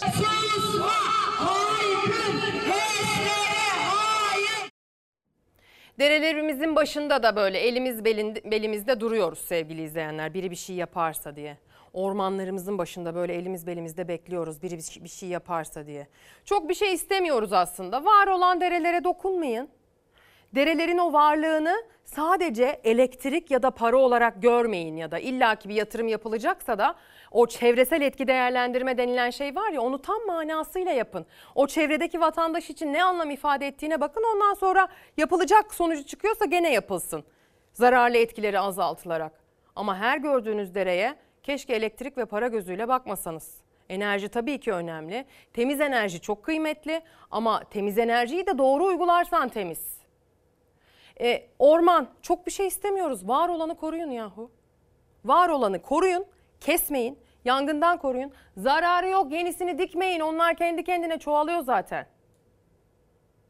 Vatandaş, duyarlılığı olanlar, ne bileyim Tema Vakfı gibi birbirinden kıymetli vakıf zaten bu anlamda çalışıyor. Vallahi fazlasını istemez hale geldik. Beklentimizi düşürdük artık. Ama öyle gerçekleşmiyor süreç. Şimdi içinde bulunduğumuz ekonomik durum mu desem, sosyoekonomik yapımı desem, bu enflasyonun bizi düşürdüğü durum mu desem bir hırsızlık haberi var. Koca siteden koca koca onlarca yüzlerce kilo ağırlıktaki asansörleri nasıl çaldınız? Canından yana sıcalar. Bunu niye böyle ettiniz? Nasıl elip nasıl çıkacağız? Böylesi ilk kez oldu. Hırsızlar asansörün beyni olan anakartları çalıp kaçtı. Sitedeki yüzlerce kişi asansörsüz kaldı. Hırsızların mağdur ettiği yaşlı kadın böyle tepki gösterdi. Kör toparız bizim ameliyatlı. Nasıl olur böyle? Hiç merhametiniz yok. Sabah kalktığımızda asansöre binmek istediğimizde asansörlerin kapalı olduğunu gördüm. Sonra elektrik kesik mi diye ona baktık. Afyonkarahisar'ın Dinar ilçesinde 86 konutun bulunduğu siteye gece girdi hırsızlar. 4 bloktaki asansörlerin anakartlarını çalarak kayıplara karıştılar. Site sakinleri sabah asansörlerin çalışmadığını görünce firma yetkilisini aradı. Şoke eden gerçek de böyle ortaya çıktı. Asansörcüyü görüntülü olarak aradık. E, panoları gösterdiğimizde e, asansörün beyninin olmadığını, kim aldığını o yok dedi. Çalındığını fark ettik. Emniyete müracaat ettik. Asansörlerin anakartlarını çalan hırsızlar tam 86 konutu mağdur etti. Yüzlerce site sakini asansörsüz kaldı. Yürüme güçlüğü çeken 74 yaşındaki Ayşegül Soy da onlardan biriydi. Can oğlum bize yardım edin. Bizi kör topal koydunuz. Şu arabayla, şu ameliyatlı dizimle. Ben nereden ineyim de nereden çıkayım? Hiç mi çalacak bir şey bulamadınız da? Geldiniz de kartları çaldınız. Hiç mi bize acımıyorsunuz? Hiç mi merhametiniz yok? Sizin ananız babanız yok mu? Yavrum bize niye böyle ettiniz? Dinar polisi site sakinlerinin şikayeti üzerine inceleme başlattı. Hırsızların yakalanmasına çalışılıyor. Kartları çalmışlar. Asansörleri çalmamışlar. Nasıl mümkün olduğuna inanamamıştım. Meğer zaten öyle değilmiş. Düzeltelim. Mehmet Bey bir mesaj göndermiş. Alıştık mı diye. Ee, maalesef alışmamamız gereken konulara tepki ve veremeyince ister istemez alışıyoruz. Kafamız sürekli meşgul olduğu için değişmeden, gelişmeden yaşıyoruz, alışıyoruz demiş. Alıştık artık de- dert çekmeye e, diye Yalova'dan bir mesaj gelmiş. Alıştık mı? Hayır, hayır, hayır. Hiç alışmadık, alışmayacağız diyor bir izleyicimiz. 20 küsür yıldır alışmadık, ağlaya ağlaya alıştırıldık demiş. Duygu Hanım gönderiyor mesajı. Emeklinin haklarını yiyenlere haklarımız haram olsun inşallah amin mesajı gelmiş. Aminini de kendisi söylemiş. Midland kullanıcı adıyla bir izleyicimiz gönderdiği mesajda. Şimdi çok dikkat edilmesi gereken bir konunun e, haberi var sırada. Size e, 17 aylık Yiğit bebekten bahsedeceğim. Nar kaçtı Yiğit bebeğin nefes borusuna. Bay bay hadi abam. Bay bay babama bay bay fotoğrafını atacağım. Nefes borusuna nar tanesi kaçtı 17 aylık Yiğit'in nefessiz kalan çocuk tüm çabalara rağmen kurtarılamadı. Evet. Samsun Vezir Köprü'de yaşandı acı olay. Evlerinde nar yoğurdu Yiğit bebek. Narın tanesi nefes borusuna kaçtı. Ailesi nefes almakta güçlük çektiğini fark edince hemen Vezir Köprü Devlet Hastanesi'ne kaldırıldı Yiğit bebek. Hayati tehlikesi vardı. Bu nedenle Samsun 19 Mayıs Üniversitesi Tıp Fakültesi Hastanesi'ne sevk edildi. Yiğit Eren Akça yapılan tüm müdahalelere rağmen kurtarılamadı. Hayatını kaybetti. Şimdi e, trafikten manzaralar diyeceğiz. Sancaktepe Tepe ve Hadımköy'e doğru gideceğiz. Son dönemde e, adayların vaat e, ederken dillerine dolanan da bir konu aynı zamanda bu İstanbul'daki trafik meselesi. Bakın Hadımköy ve Sancaktepe'de trafiğe nasıl çare buldu kendini en akıllı zannedenler.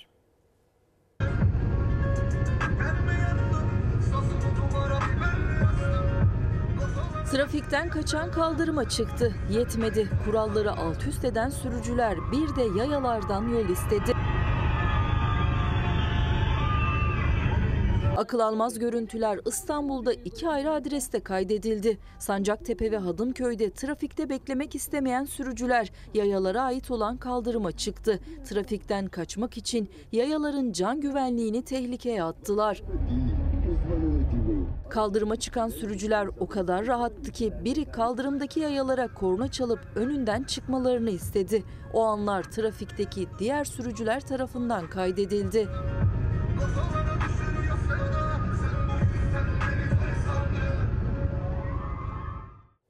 İbretlik durumlar, görüntüler hayatın içinden. Şimdi gıda enflasyonu diyeceğiz. Demek zorundayız çünkü açıklanan rakamlara göre son 5 ayın zirvesini gördü gıda enflasyonu. Birkaç gün önce açıklanan büyüme oranlarında da hani ballandıra ballandıra anlatılan büyümede de tek bir küçülme detayı vardı. Tarım ve hayvancılık üretim detayı vardı sevgili izleyenler.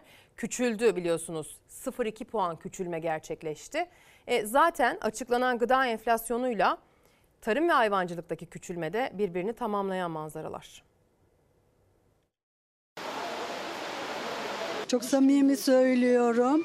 Meyveyi taneyle alıyorum. Çünkü 50 liradan 60 liradan aşağı meyve yok. Türk İş açıkladı. Açlık sınırı 16.257 lira, yoksulluk sınırı 52.855 lira. Gıda enflasyonu son 5 ayın zirvesinde. Diskar'da hissedilen enflasyonun %106,9 olduğunu açıkladı. Domates 70 lira. Eti görmüyoruz zaten. TÜİK verilerine göre de genel enflasyondan daha yüksek gıda enflasyonu. Aralık ayında da %64,77 ile genel enflasyonu aştı.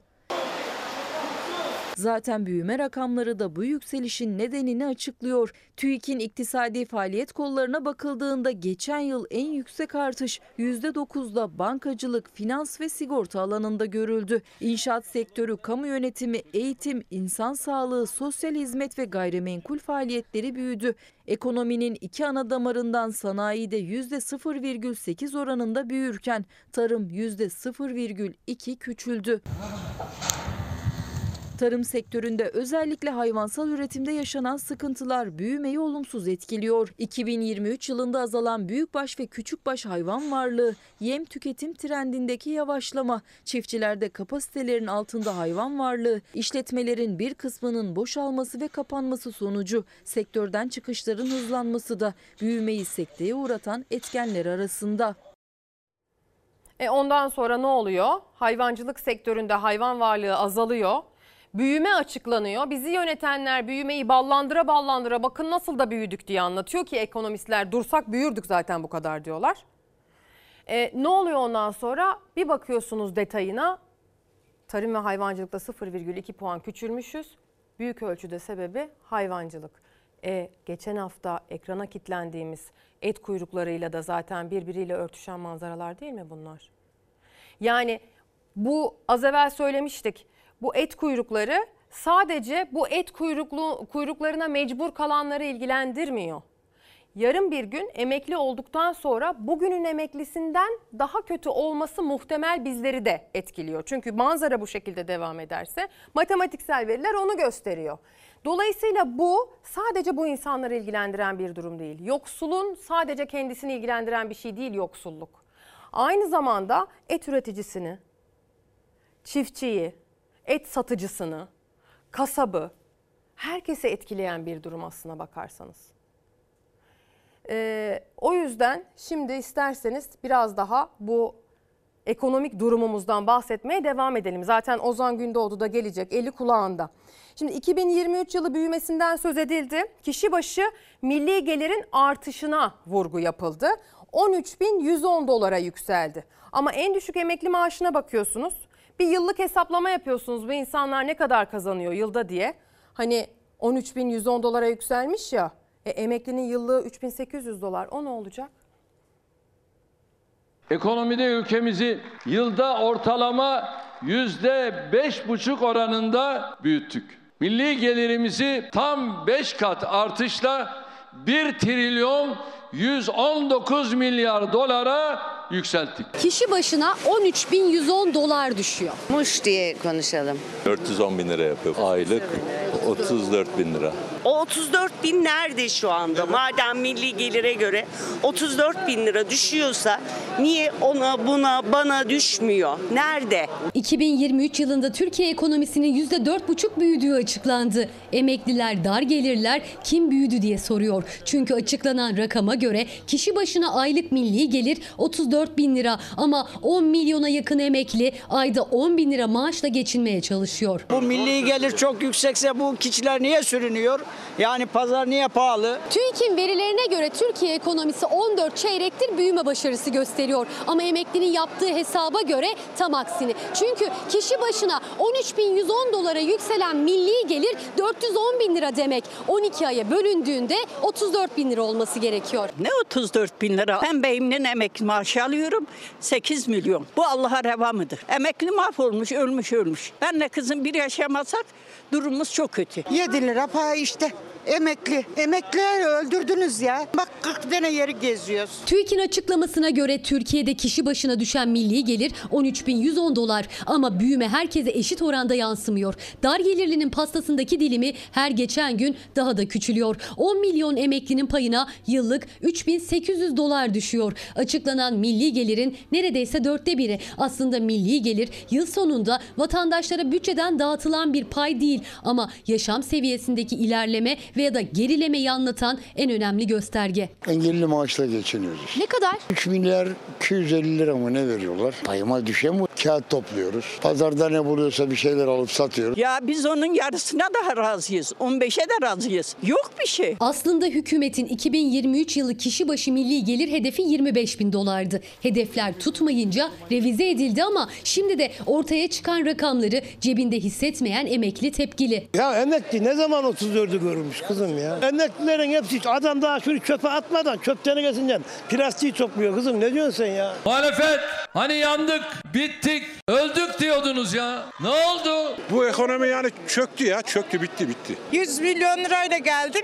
8 milyon lira maaş alıyorum.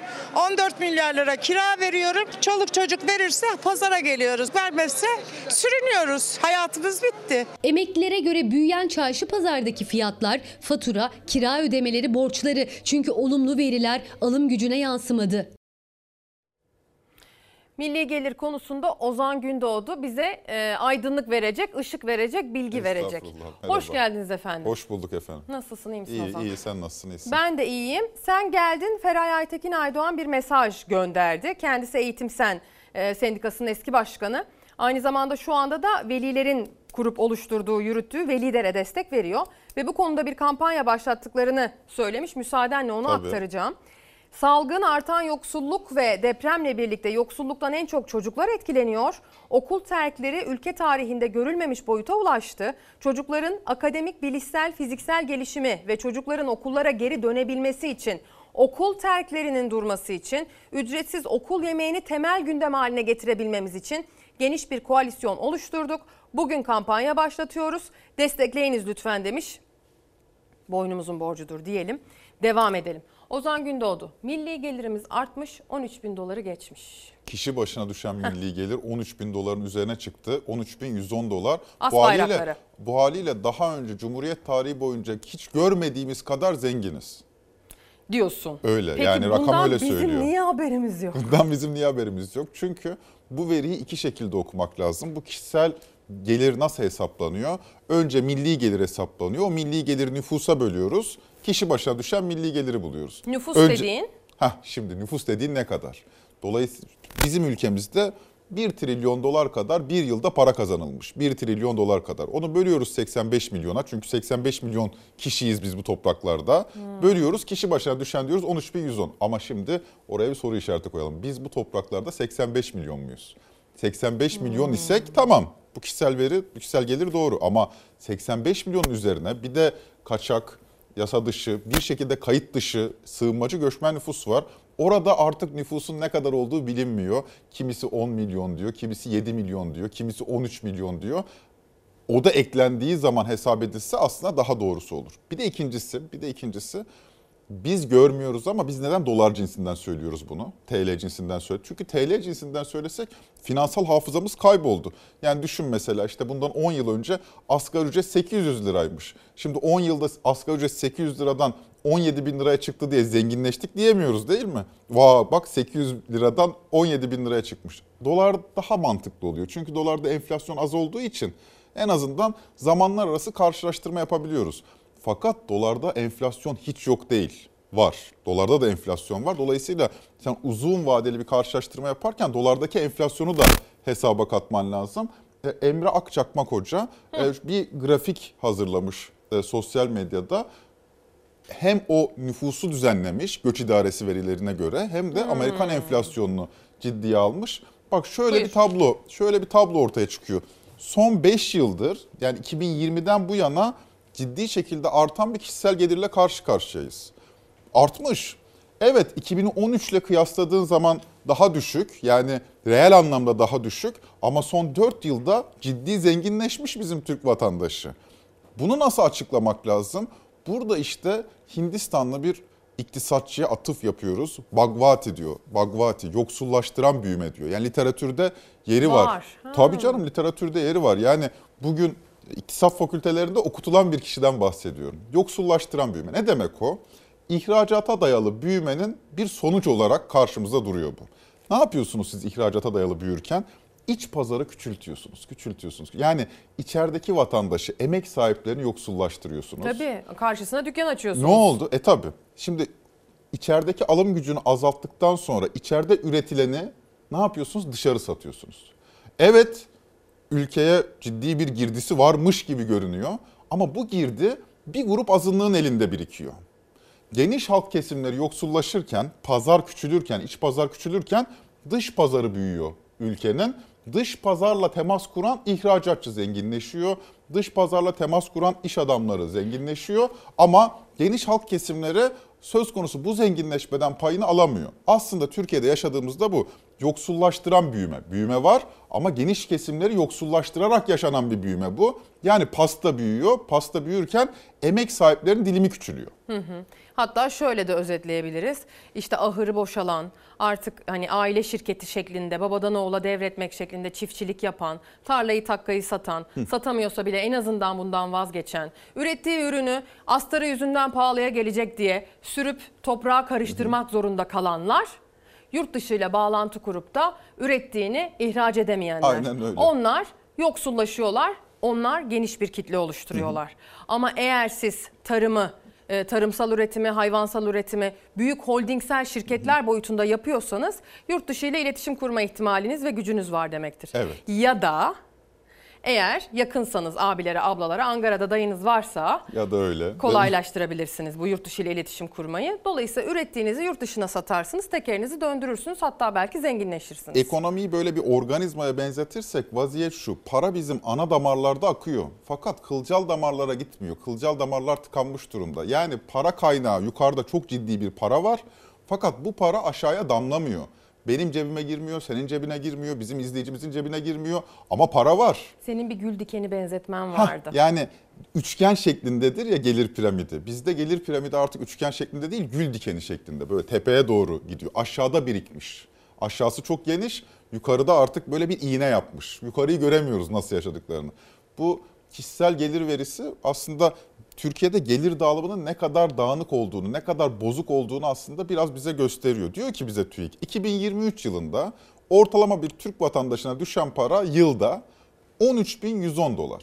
Şimdi 13.110 doları böyle söyleyince belki bazen vatandaşlar şey yapıyor. Ya benimki ne kadarmış diyor hesaplıyor. İşte aa benimki de diyor 11.000 dolarmış yıllık. Öyle hesaplanma. Öyle hesaplama. Yanlış. Çünkü sen onu nüfusa böldün. Bir bebeğe düşen de 13.110 dolar. Yani bugün 6 aylık bir bebek de 13.110 dolar düşüyor yıllık ona. Açıklanan veri bu yani en A- açık azından. veren, açıklanan veri bu. Kişi başına Kişi başına bu, diyor çünkü. Bu veri iki veri ayrı. Kişi başına düşen veri ayrı, çalışan başına düşen gelir ayrı. Çalışan başına düşen gelir değil 13.110 dolar. Hmm. Kişi başına düşen yani bu topraklarda yaşayan herkese yılda 13.110 dolar düşüyor. Yani demek ki buradan hareketle diyebiliriz ki 4 kişilik bir ailenin yıllık geliri 2023 yılı için 52 bin dolar kadar olmuş. 52 her 4 kişilik aileye ortalama 52 bin dolar düşmüş. Ben bunun hesabını yaptım. 2023 yılının ortalama dolar kuru 23.74. 23.74 TL 1 dolar ortalama. Tamam. Ne düşüyor biliyor musun 4 kişilik aileye? 4 kişilik ailenin bu 2023 yılı boyunca aylık ortalama geliri 104 bin lira. Hemen izleyicilerimiz yazsınlar bize. 104 bin lira. 2023'te aylık ortalama 103 bin lira, 104 bin lira evinize girdi mi? Ortalama 4 kişilik aile hesabıyla. Bu hesap bu hesap bize bunu gösteriyor. 4 kişilik ailenin ortalama 2023 yılında ortalama cebine giren para aylık 104 bin lira. Şimdi bu 2023 kuruyla. Bu veri bize başka bir şey daha söylüyor. Bugün cebinize giren para 4300 küsür dolar girecek. 137 bin lira para girecek. 4 kişilik ailenin cebine bu veriye göre, bu veriye Toplamda göre ortalama haneye. haneye 4 kişilik ailenin cebine bir ayda girecek para 137 bin lira. Bu hangi varsayım altında? Bu milli gelir eşit bölüşülürse eğer, sanki herkesin cebine o milli gelir girerse, herkesin cebine aynı milli gelir giriyorsa eğer, 4 kişilik haneye düşen para aylık 137 bin lira. Şimdi emekli düşünsün. O be- benim haneme de 10 bin lira giriyor. Asgari ücretli diyor ki e, benim haneme 17 bin lira giriyor. İşte gelir o kadar dağınık, o kadar bozuk dağılmış ki zengin o kadar, zenginleşmiş zengin. ki. İşte o gül dikeni oradan Ha, aklıma gül geldi. dikeni. Yani en tepede çok ciddi birkaç milyar doları olan insan, yılda milyon, milyonlarca dolar kazananlar bu ortalamayı yukarı çekiyorlar. En tepedekiler o kadar zengin ki, Evet. o kadar kazanıyor ki kişi başına bölündüğünde çalışan bile değil böyle bir manzara çıkıyor ortaya. Herkes şokta. Yo bizde öyle bir şey yok diyorlar. Bak buradan aslında bizim iktidarın, Adalet ve Kalkınma Partisi iktidarın ekonomi politiğini kavruyoruz. En tepeyle en tabanı bir araya getir. Şimdi en tepeyle en taban arasında, en zenginle en yoksul arasında bir çıkar çatışması olur değil mi? Yani en yoksul ile en zenginin aynı çıkarlar altında bir araya gelmesi çok kolay değil. Onu ne yapıyorsun? Orada kimlikçi politikalar. İşte biz Müslümanız, biz şöyleyiz, böyleyiz. Yani aslında gündelik hayatta karşımıza çıkmayacak bir romantik anlatı sunuyorsun. En tepeyle en altı bir araya getir, orta sınıfı dayak, dayak at orta sınıfı. Yani ortayı bırakma, orta gelirleri, kentli, meslek sahibi, nasıl mimar, avukat, öğretmen, polis, işte kamu çalışanı, Özel sektör özel çalışanı. sektör çalışanı. Yani bu zamana kadar kendisini orta sınıftan sayan kitleler zaten bu kitleler muhaliftir diyerek bütün vergi politikasını bunun sırtına yık. Bütün eğitim politikasının garabetlerini bu kesimin sırtına yık. Bu kesim çocuklarını özel okula göndersin. Bu kesim çocuklarını, annesini, babasını bir şekilde özel hastanelere koştursun. Zaten bu kesim en üstteki aşırı zengin tabakayı da çok az maaşla çalışıp zengin eden kesim. Tabii aynen. Eğer alt tabakaya da aa gönlümüzden koptu size yardım yapıyoruz seçim öncesi dendiğinde vergileriyle o insanlara Aynen yardım öyle. edilen kesim aynı Yani zamanda. bu kesim, bu kesim tüm bu politikaları yani orta sınıftan bahsediyorum. Tüm bu politikaları hem vergisiyle finanse ediyor hem de kamu hizmetinden en az faydalanan kesim. Örnek veriyorum bu kesim zaten şimdi şu anda işte Ferro Hoca izliyorsa selam olsun. Ee, milli eğitimde müfredat değişecek. En endişeliler kimler? Bu kesimler. Çünkü özel kes okula gönderemiyor ya da özel okula gönderirken çok ciddi bir yükün altına giriyor. Ama devlet okuluna gönderirken de hay lanet gelsin diyor. Buna biçim müfredat. Ben çocuğuma nitelikli bir eğitim aldırmak istiyorum. Borca harca giriyor özel okula götürüyor.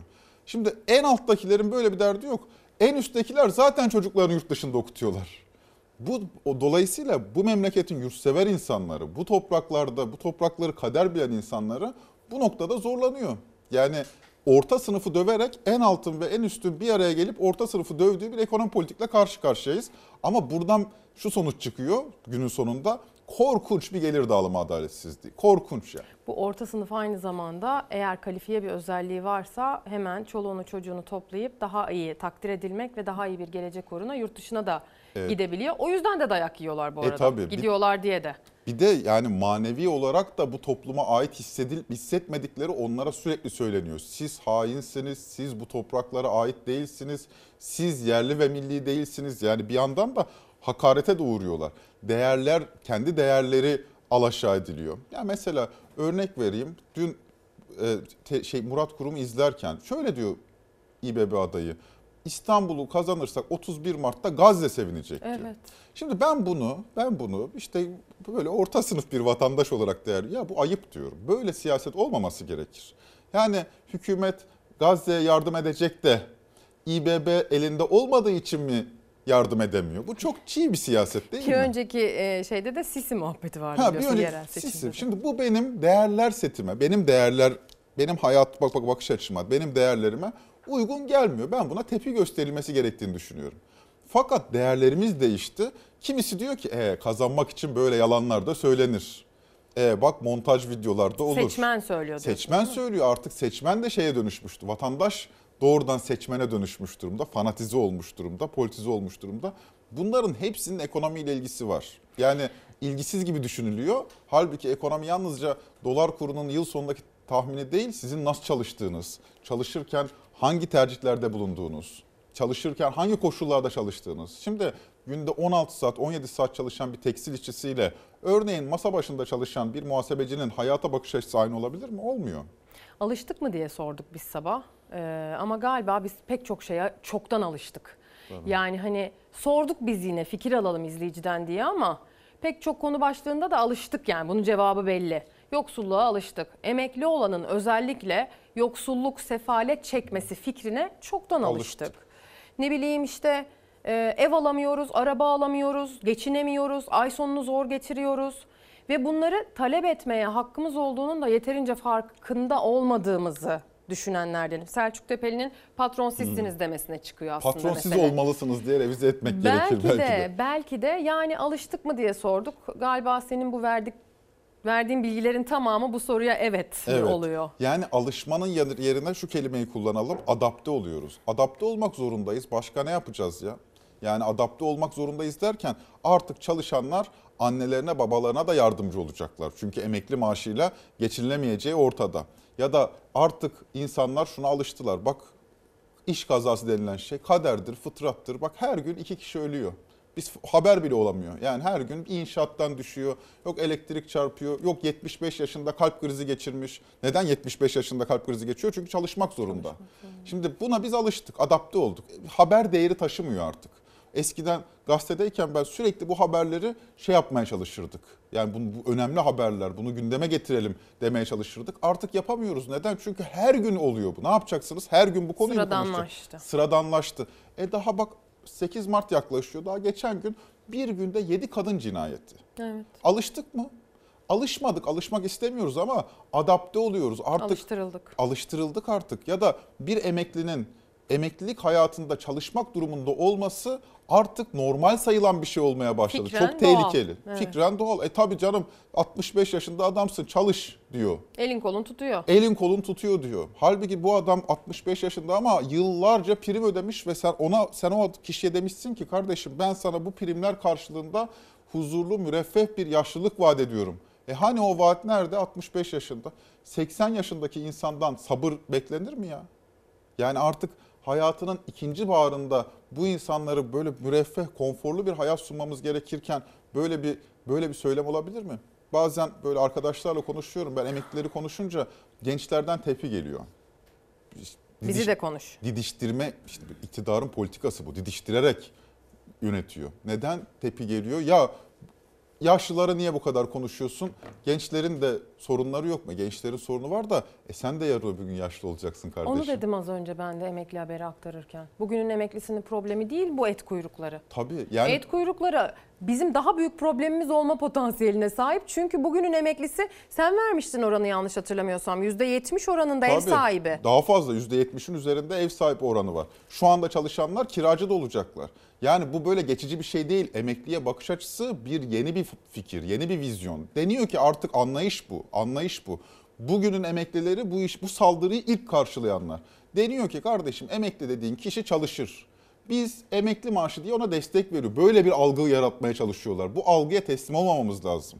Yani bizim emekli maaşı denilen şeyin geçinilebilir, insanca yaşatacak bir para olması lazım ki biz geleceğimizi güvence altında hissedelim. Ama şu anki vaziyet bu değil. Şu anki vaziyet bizi emeklilikte çalıştırmaya, ikna etmeye çalışan bir çaba var. Bu çabaya karşı uyanık olmamız lazım. O yüzden gençlerin de sadece emeklilerin kendi hakkını savunması demiyorum. Gençlerin de emeklinin arkasında Hakkını. durması lazım. Çünkü gençler de yarının emeklileridir. Çünkü bu kafa böyle devam ederse yarın gençler de emekli olduktan sonra çalışmaya devam edecekler. Ama bugünün gençleri bugünü zor atlattığı için o Bir zaman. de bir de o var yani. Yani bugünün gençleri, bugünün orta yaşlıları, bugünün çalışanları yok ay sonunu getireyim, yok çocuğun okul taksidini Tabii. ödeyeyim, yok onu öyle yetiştireyim, bunu buraya getireyim. Annemi babamı alayım, hastaneye götüreyim, özel doktorda e, şu kadar taksitle şöyle ödeme yapmaya çalışayım. Ne bileyim yani daha da sayabilirim.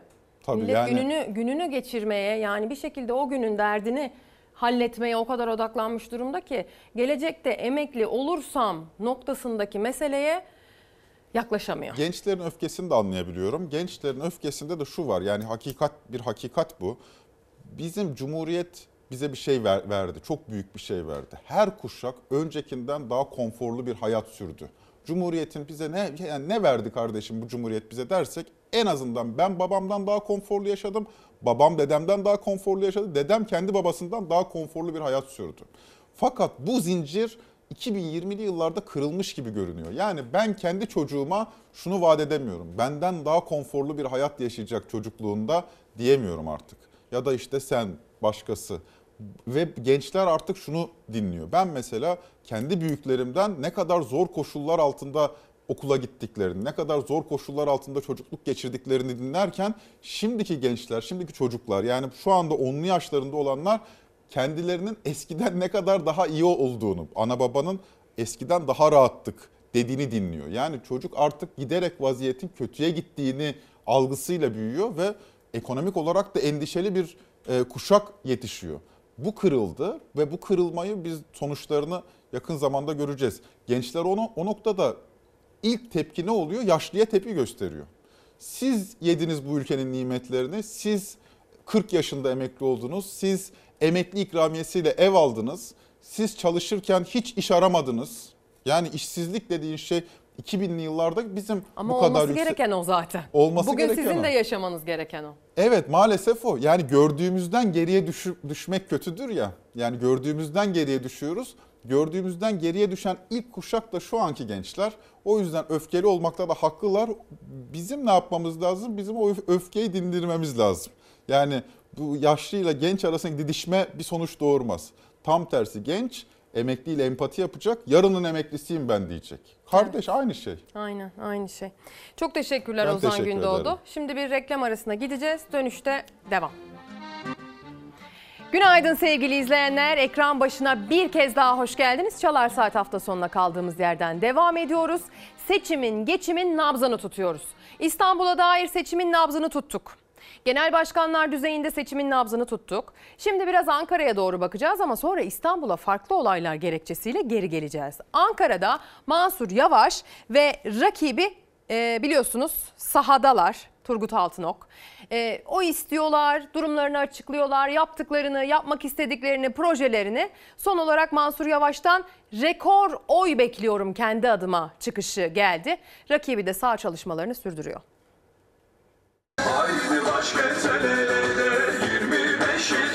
Ben partizanlık niye oluyor? Allah nasip ederse rekor oyla geliyorum ama birçoğunuz siyaset çöplüğüne gömülüyorsunuz. 31 Mart için rekor oy vurgusu yaptı Ankara Büyükşehir Belediye Başkanı Mansur Yavaş. Çünkü belediyeyi şeffaf yönetiyoruz, hesap veriyoruz dedi. Turgut Altınok da sahadaydı. Biz de bu hesabı her vesileyle veriyoruz. Bu dünyada hesabı vermezler.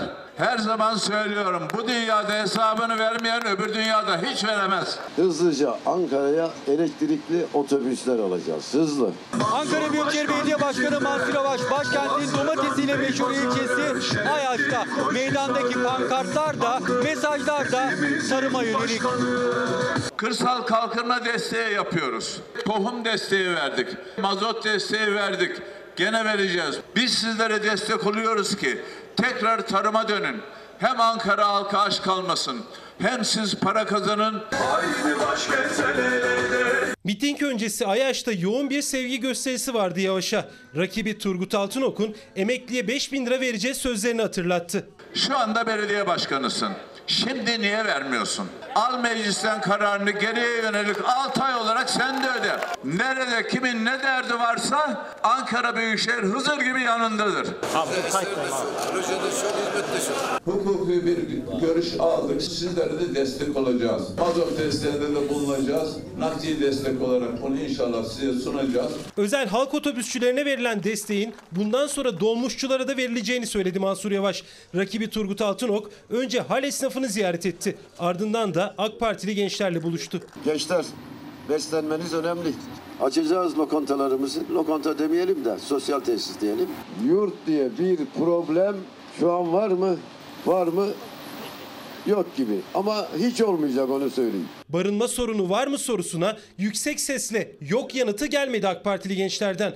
Turgut Altınok Anka Park açılacak dedi. Akvaryum sözü de verdi. Ankara'ya başkentimize dev bir akvaryum yapacağız. Çocuklarımız, gençlerimiz denizin altında ne varsa görecekler. akvaryumlar falan. Bir dijital hayvanat bahçesi e, projesi vardı Ankara'da benim takdirle karşıladığım Türkiye için, Türkiye takvimine göre zamanın ötesinde bir e, yatırımdı. Şimdi bir akvaryum e, diyor rakibi. Şimdi e, bir banknot hesabı yapacak bizim için Ekrem İmamoğlu yani bizim için derken vatandaşa yaptığı o 200 liralık banknottan neyi ne kadar kaybettiğimizin hesabı var. O gelecek ekrana. Sözcü gazetesinde de bugün 200 liralık banknotu yaklaşan Ramazan dolayısıyla pide üzerinden yapmış gazeteciler. En büyük banknotumuz olan 200 lirayla 2021'de tanesi 4 liradan 50 adet Ramazan pidesi alınabiliyordu. Bu yıl pidenin fiyatı 15 liraya çıktı. 200 lirayla sadece 13 pide alınabiliyor. Yani soframızdan 2021'den bu yana 37 pide çalındı. Alım gücü 11 Mart'ta başlayacak Ramazan dolayısıyla pide üzerinden hesaplanmaya Pidenin fiyatı tartışılmaya çoktan başladı. Ekrem İmamoğlu ise biliyorsunuz mitingler yapıyor, vatandaşla buluşuyor. Beykoz'daki vatandaş buluşmasında 200 liralık banknotu bakın neyle ölçtü? En büyük paramız 200 lira değil mi? 200 lirayı 14 sene önce bu hükümet çıkardı. Hatırlıyor musunuz 200 lirayı? 14 sene önce 14 sene önce 200 lira 130 dolar yapıyordu 130. Dün akşam arkadaşlarım raporunu çıkarttılar. Şu anda 6,5 dolar yaz, yapıyor. Öğlene doğru arkadaşım beni aradı. Arkadaşım beni aradı. Dedi başkanım belki de bugün 6 dolara düşecek 6 dolara. 130 dolar nere 6 dolar nere? Hani bu diyordu ya nereden nereye? Nereden nereye? Bakın bir gerçek daha söyleyeyim size. Değer kaybı yüzde 1200'den fazla. Bakın en güçlü değer kaybını söylüyorum size. 200 lira ilk çıktığında 500 ekmek alıyordu doğru mu? 500 ekmek. 500 ekmek. Şu anda 50 ekmek alabiliyor 50 ekmek. 500 ekmek 50 ekmek. 200 lira 41 kilo tavuk alıyordu. Şimdi bir buçuk kilo tavuk alamıyor. Bir kilo. Bir kilo belki de bir kilo. İşte işte biz bu yüzden İstanbul'da sosyal yardımları altı kat arttırdık altı kat. Yerel seçim olmasına rağmen ki geçtiğimiz Mayıs'ta yani 14-28 Mayıs seçimlerinde de aynı tablo vardı. Ee, bu yaklaşan yerel seçim buna rağmen açlık, yoksulluk, lokanta açma vaadi, emekliye ben şu kadar vereceğim, hayır ben şu kadar vereceğim üzerinden ilerleyen bir propaganda süreci var. Bu bile aslında durumun içler acısı olduğunun göstergesi sevgili izleyenler. Açlık üzerinden, doymak üzerinden vaatler iletiliyor, iletilmek zorunda kalınıyor çünkü durum bu. Şimdi Kanal İstanbul diyeceğim size. İstanbul'da kalmaya devam edeceğiz. Murat Kurum biliyorsunuz sık sık TOKİ mağdurlarını karşısında buluyor ve kendilerine e, kendisine sorularını soruyorlar TOKİ mağdurları. Bu kez de Kanal İstanbul'un bizzat mağduru olan kişiler kendisine soru yöneltti. Yöneltmek istedi en azından. Sözümüzü görmek istiyorsanız şöyle Başakşehir'e bir bakacaksınız. Başakşehir'deki Sorduğunuz soruların tamamında ya Kanal İstanbul var. İstanbul'un gündeminde olmayan hiçbir iş bizim gündemimizde olmayacak. Net. Altını çiziyorum. AK Parti'nin İstanbul Büyükşehir Belediye Başkan adayı Murat Kurum, Kanal İstanbul sorusu yönelten gazeteciye İstanbul'un gündeminde yok diyerek tepki gösterdi. Ancak aynı soru İstanbullu vatandaştan da geldi. Vazgeçtiniz mi vazgeçmediniz mi? Birinci soru bu. Bir de hiç neden vazgeçtiniz? Kanal İstanbul projesi ol- olacak mı olmayacak mı bunu öğrenmek istiyorum. Murat Kurum'a çok net bir şekilde sorularımı sordum. Yapacak mısınız yapmayacak mısınız? Biz dedim bunu öğrenmek istiyoruz. Halk ne düşünüyorsa dedi. Aslında cevabı veriyor orada. Burası Kanal İstanbul güzergahındaki mahallelerden biri Şahintepe Mahallesi. Burada yaşayanlar yıllardır evleri, arsaları kanala ve ranta kurban gitmesin diye mücadele ediyorlar. Son olarak da seslerini geçmişin Çevre ve Şehircilik Bakanı bugünün AK Parti'nin İstanbul adayı Murat Kurum'a duyurmak istediler. Onlar sorularını net sordular ama aldıkları cevaplar o kadar net olmadı. Bizi içeriye aldılar. E, Bayağı bir şey yaşadık orada. Yani aslında almak istemediler. Mecburi oldu biraz. Yapmayacağım demiyor orada. Yapacağım da demiyor. Sadece yuvarlıyor. Kanal İstanbul deyip yapacağız da burada bu kadar millete sürgün ettiniz. Ve şimdi ağzınızda Karan İstanbul'un k'si bile yok. Hiçbir cevap vermedi. Geçen 5 yıl öncesine geldiğinizde bir yıl içerisinde siz burada inşaat yapacaksınız dediniz. 5 yıl geçti. Maalesef ki hala biz yapamıyoruz. Belediyenin yaptığı bu inşaatı da vatandaş olarak kabul etmiyoruz çünkü mağdur ediliyor. Şahintepe mahallesinde evini kentsel dönüşüme sokmak isteyen mahalleliye belediye izin vermiyor iddiaya göre. Başak Kent AŞ dışında burada yetki devri alan hiç kimse yok. Ama nedense başvuran vatandaşlarımıza red geliyor. Mahallelinin müteahhitle anlaşmasına izin verilmiyor ama bölgede yeni binalarda yükseliyor bir yandan. Şahin Tepeliler yaşadıkları yerin ranta kurban gittiği görüşünde. Buralar yıkılacaksa, burada bir kanal yapılacaksa bu binalar neden yapılıyor? Tamamen ranta dayalı. Kanal bahanesiyle işte buradaki binaların piyasa değerini yükseltmek amacıyla olduğunu düşünüyorum. Kanalın içinde parsel var. Halka aldatıyorlar. Kanal İstanbul sözünü niye kullanıyorlar? Halbuki Kanal İstanbul projesi plandır yani. imar planıdır. Siz zannediyorsunuz ki kanal. Gemi geçecek. Hayır.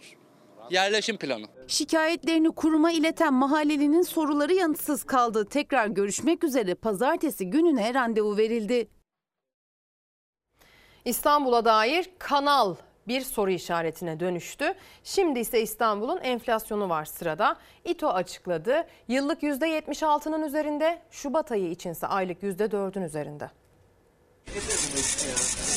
Fiyatlar nasıl? Uçmuş. Mega kentte yaşam maliyeti yine arttı. İstanbul Ticaret Odası'na göre yıllık enflasyon %76,58'e yükseldi. Aşımıza soğan doğrayamıyoruz artık. İstanbul Ticaret Odası Mega Kent'in Şubat ayı enflasyon rakamlarını açıkladı. Perakende fiyatlar Şubat'ta bir önceki aya göre %4,7, yıllıksa %76,58 artış gösterdi. Toptan eşya fiyatları da Şubat'ta aylık %4,64, yıllıksa %65,06 oranında arttı.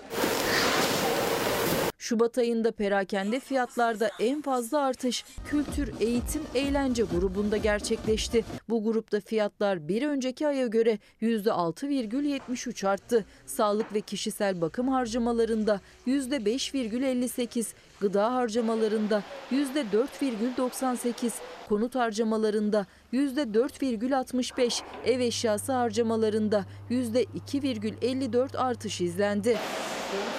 Türkiye Ziraat Odaları Birliği Genel Başkanı Şemsi Bayraktar, üreticide 2 lira 50 kuruş olan limonun markette 18 lira 36 kuruş, 3 lira 50 kuruş olan portakalın 23 lira 53 kuruşa, 115 lira olan kuru incirin 506 lira 20 kuruşa, 13 lira 33 kuruş olan kabağınsa 47 lira 90 kuruşa satıldığını açıkladı. Şubat ayında markette 40 ürünün 29'unda fiyat artışı, 11'inde fiyat azalışı görüldü. İstanbul Ticaret Odası'na göre İstanbul'un yıllık enflasyonu %76,58. Ancak İstanbul'da yaşayanlara göre enflasyon açıklanan rakamlardan daha yüksek.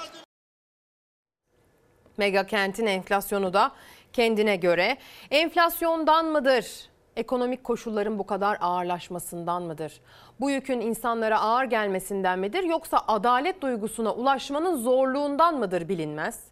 Belki de bireysel silahlanmanın artmasından da olabilir. Kişiler kendi adaletlerini kendileri sağlamayı artık huy haline getirmiş durumdalar sevgili izleyenler. Burası bir hukuk devletidir efendim.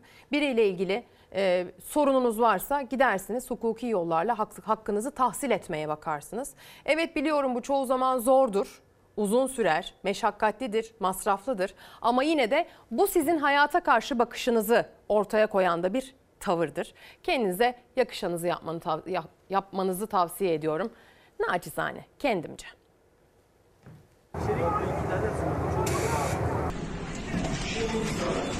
Kimse ne olduğunu anlamadı. Bir anda silahlar patlamaya başladı. Kafeteryayı panik havası sardı. Hasta ziyaretine giden eğlence mekanı sahibi ve yanındakiler hastanenin kafeteryasında silahlı saldırıya uğradı. İkisi ağır 7 kişi yaralandı. Denizli'de Pamukkale Üniversitesi Hastanesi'nin giriş katındaki kafeteryada yaşandı silahlı saldırı. Kentte eğlence mekanı işleten Ahmet K ile yanındaki 6 kişi hasta ziyareti için oradaydı. 2 kişi tabancayla ateş açıp kaçtı. Saldırıda eğlence mekanı sahibiyle yanındaki 6 kişi yaralandı. Vuran yerde. Saldırının hemen sonrası ve yaşanan panik böyle görüntülendi. Yaralılar hızla sedyelere alınarak kafeteryanın yanındaki acil servise taşındı. Polis olay yerinde 15 boş kovan buldu. Yaralılardan ikisinin durumu ağır. İki şüphelinin yakalanması için çalışma başlatıldı.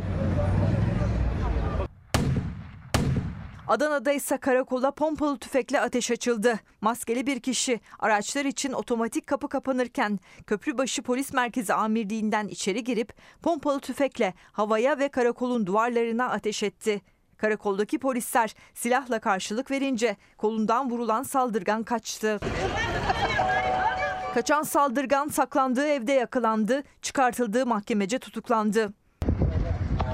Karaman'da da adliye binasının girişi sıcak anlara sahne oldu. CV isimli kişi adliye girişinde karşılaştığı husumetlisi MG'ye silahıyla ateş açtı. Silahtan çıkan kurşun MG'nin bacağını sıyırıp geçti. Görevli polislerin zamanında müdahalesiyle olası bir cinayetin önüne geçildi. Saldırgan yakalanarak gözaltına alındı. İstanbul Beylikdüzü'nde ise butik işleten Doğan K. eşiyle beraber mağazasını açmış, iş yerinin camlarını siliyordu. Bu sırada arkasından yaklaşan bir kişi peş peşe ateş açtı esnafa. Ardından da kaçtı. Ayağından yaralanan esnaf hastaneye kaldırıldı. Hayati tehlikesi bulunmayan Doğan K. saldırganı tanımadığını söyledi. İçişleri Bakanlığı bir çetenin daha çökertildiğini paylaştı. Çetenin ismi Çirkinler. Operasyon düzenlendi. E, çete çökertildi. Bakın biz o çeteyi hangi basına yansıyan olayla aslında biliyoruz. Alev alır bu şehir bak belki Yürü hadi yolumuzu çizdim Elinizde bir belge bir kanıt olmadan ne yapmaya çalışıyorsunuz? İstanbul'da 3 farklı cinayete karışıp iş insanı YD'yi polis kıyafeti giyerek kaçıran çirkinler şebekesine yönelik yapılan operasyonun detayları. Şüphelilerin sosyal medya fenomeni Ece Ronay'ın eski eşi Mehmet Bilir'e ait iş yerini kurşunlayan kişiler olduğu ortaya çıktı. Abime selam olsun. Kılıcın keskin olsun abi. Eski eşi Mehmet Bilir'in iş yerlerinin kurşunlanması olayında azmettirici olmakla suçlanıyordu Ece Ronay. Gözaltına alınıp serbest bırakılmıştı. Ronay'ın eski eşi Mehmet Bilir tedbir kararı aldırdı. Ronay'ın İstanbul Bağdat Caddesi ve Kocaeli Gebze'deki şubelerine icra ve polis ekipleri geldi. İddiasına göre tüm bu baskınların nedeni Ronay'ın barışma teklifini kabul etmemesiydi. Çek yok, senet yok, hiçbir şey yok. Noter onaylı sözleşme yok. Borcum olduğuna dair o adamın elinde hiçbir şey yok. Bu adam ben barışana kadar durmayacak. Hepsinin altından kalkacağım ama bir gün gerçekten canımı koruyamayabilirim. O konuda size söz vermiyorum. İstanbul Emniyet Müdürlüğü Organize Suçlarla Mücadele Şube Müdürlüğü düzenledikleri Mahzen 2 operasyonuyla çirkinler olarak bilinen suç örgütünü çökertti. Liderliğini yurt dışından Zuhat Altunç'un yaptığı şebeke üyesi 47 kişi gözaltına alındı. Operasyona dair yeni detaylar da ortaya çıktı. Operasyonun bir başka detayı da Ece Ronay'ın eski eşi Mehmet Bilir. Ece Ronay eski eşi Mehmet Bilir'in iş yerlerinin kurşunlanması olayında azmettirici olmakla suçlanıyordu. Mahzen 2 operasyonuyla yakalanan şüphelilerin sosyal medya fenomeni Ece Ronay'ın eski eşi Mehmet Bilir'e ait iş yerlerini de kurşunlayan kişiler olduğu belirlendi. Şimdi Kocaeli İzmit'e doğru gideceğiz. Alışveriş merkezinde kavga.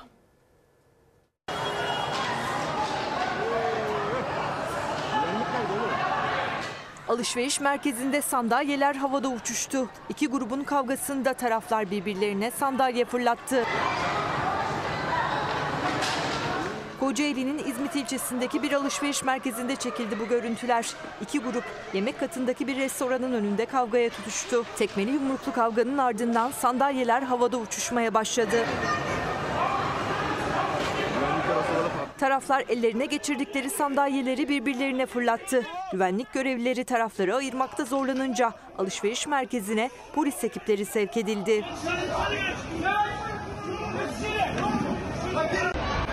Sandalyeli kavga polisin müdahalesiyle son buldu. Kavgaya karışanlar karakola götürüldü. İstanbul Çekmeköy'de boğazına şeker kaçan bir çocuğu bakın kim nasıl kurtardı.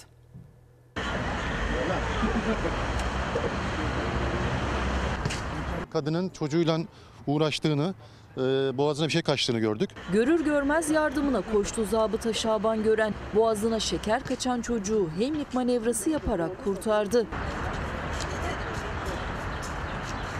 İstanbul Çekmeköy'de bir anne oğluyla yürüyordu. Çocuğun elinde şekerler vardı. Yürürken yediği sırada şeker çocuğun boğazına kaçtı. Sanırım e, soluk borusuna kaçtı.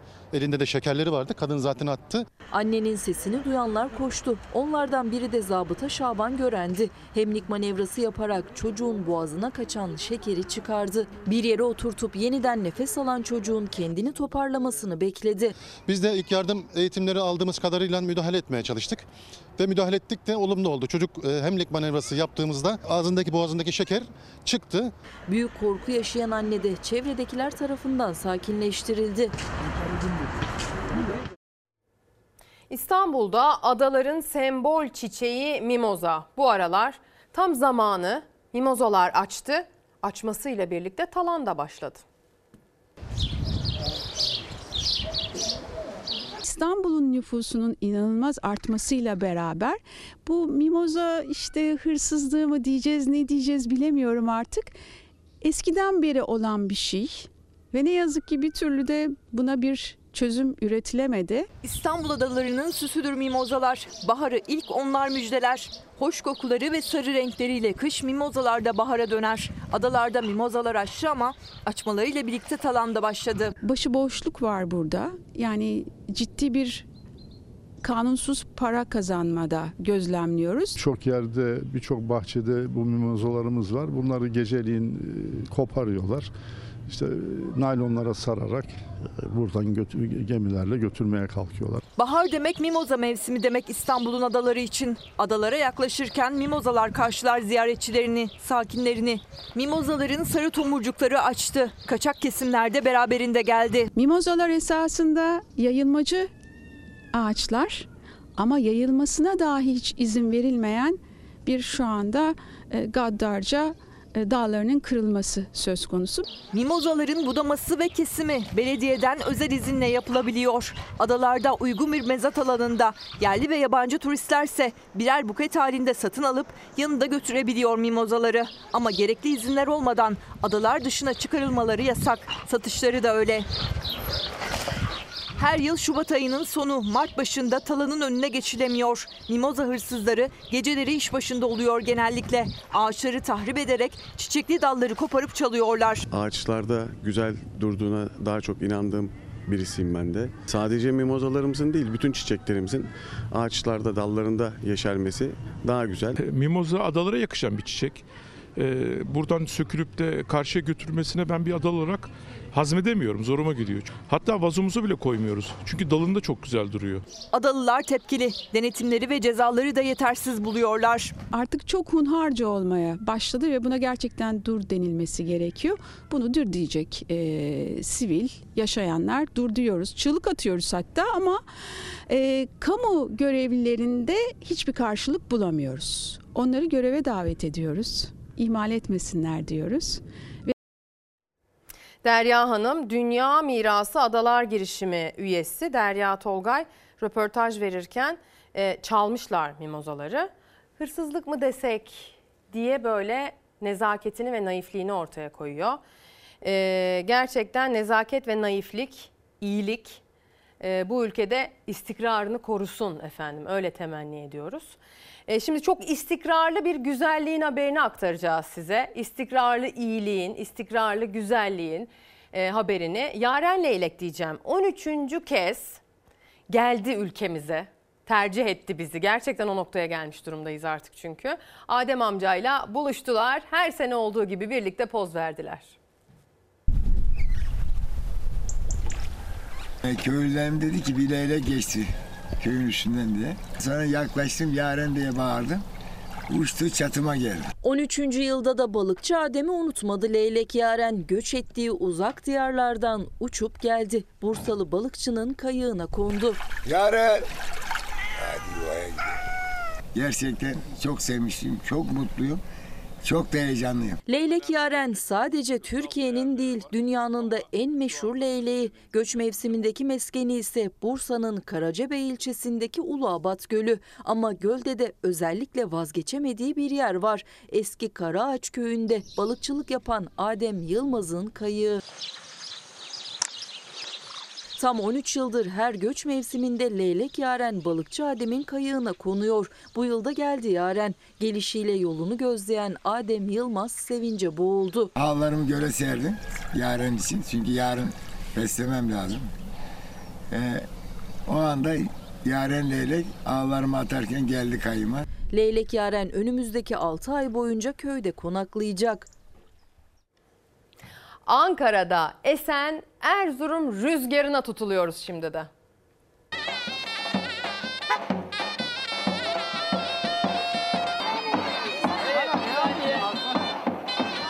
Dadaşlar diyarı Erzurum bütün renkleriyle Ankara'da. Oraya atabilirsin. Çöpümüz var orada. Ablacığım balımız organik sertifikalı bal. Cağ kebabı, aşotu çorbası, şalgam dolması, lalanga, lor dolması, hasuta, kadayıf dolması, ispir fasulyesi, balı, tereyağı, peyniri tüm damak çatlatan lezzetleriyle Dadaşlar başkentte. Erzurum Tortum yöresinin ilaçsız, tamamen doğal dağlarında otlamış hayvanlarımızın sütlerinden elde ettiğimiz tereyağımızı Ankaralı hemşerilerimize getirdik. Çok güzel. Hepsi birbirinden kaliteli, hepsi birbirinden güzel. Sağ olsunlar, ayaklarına sağlık. Kuzu etinde yapılır.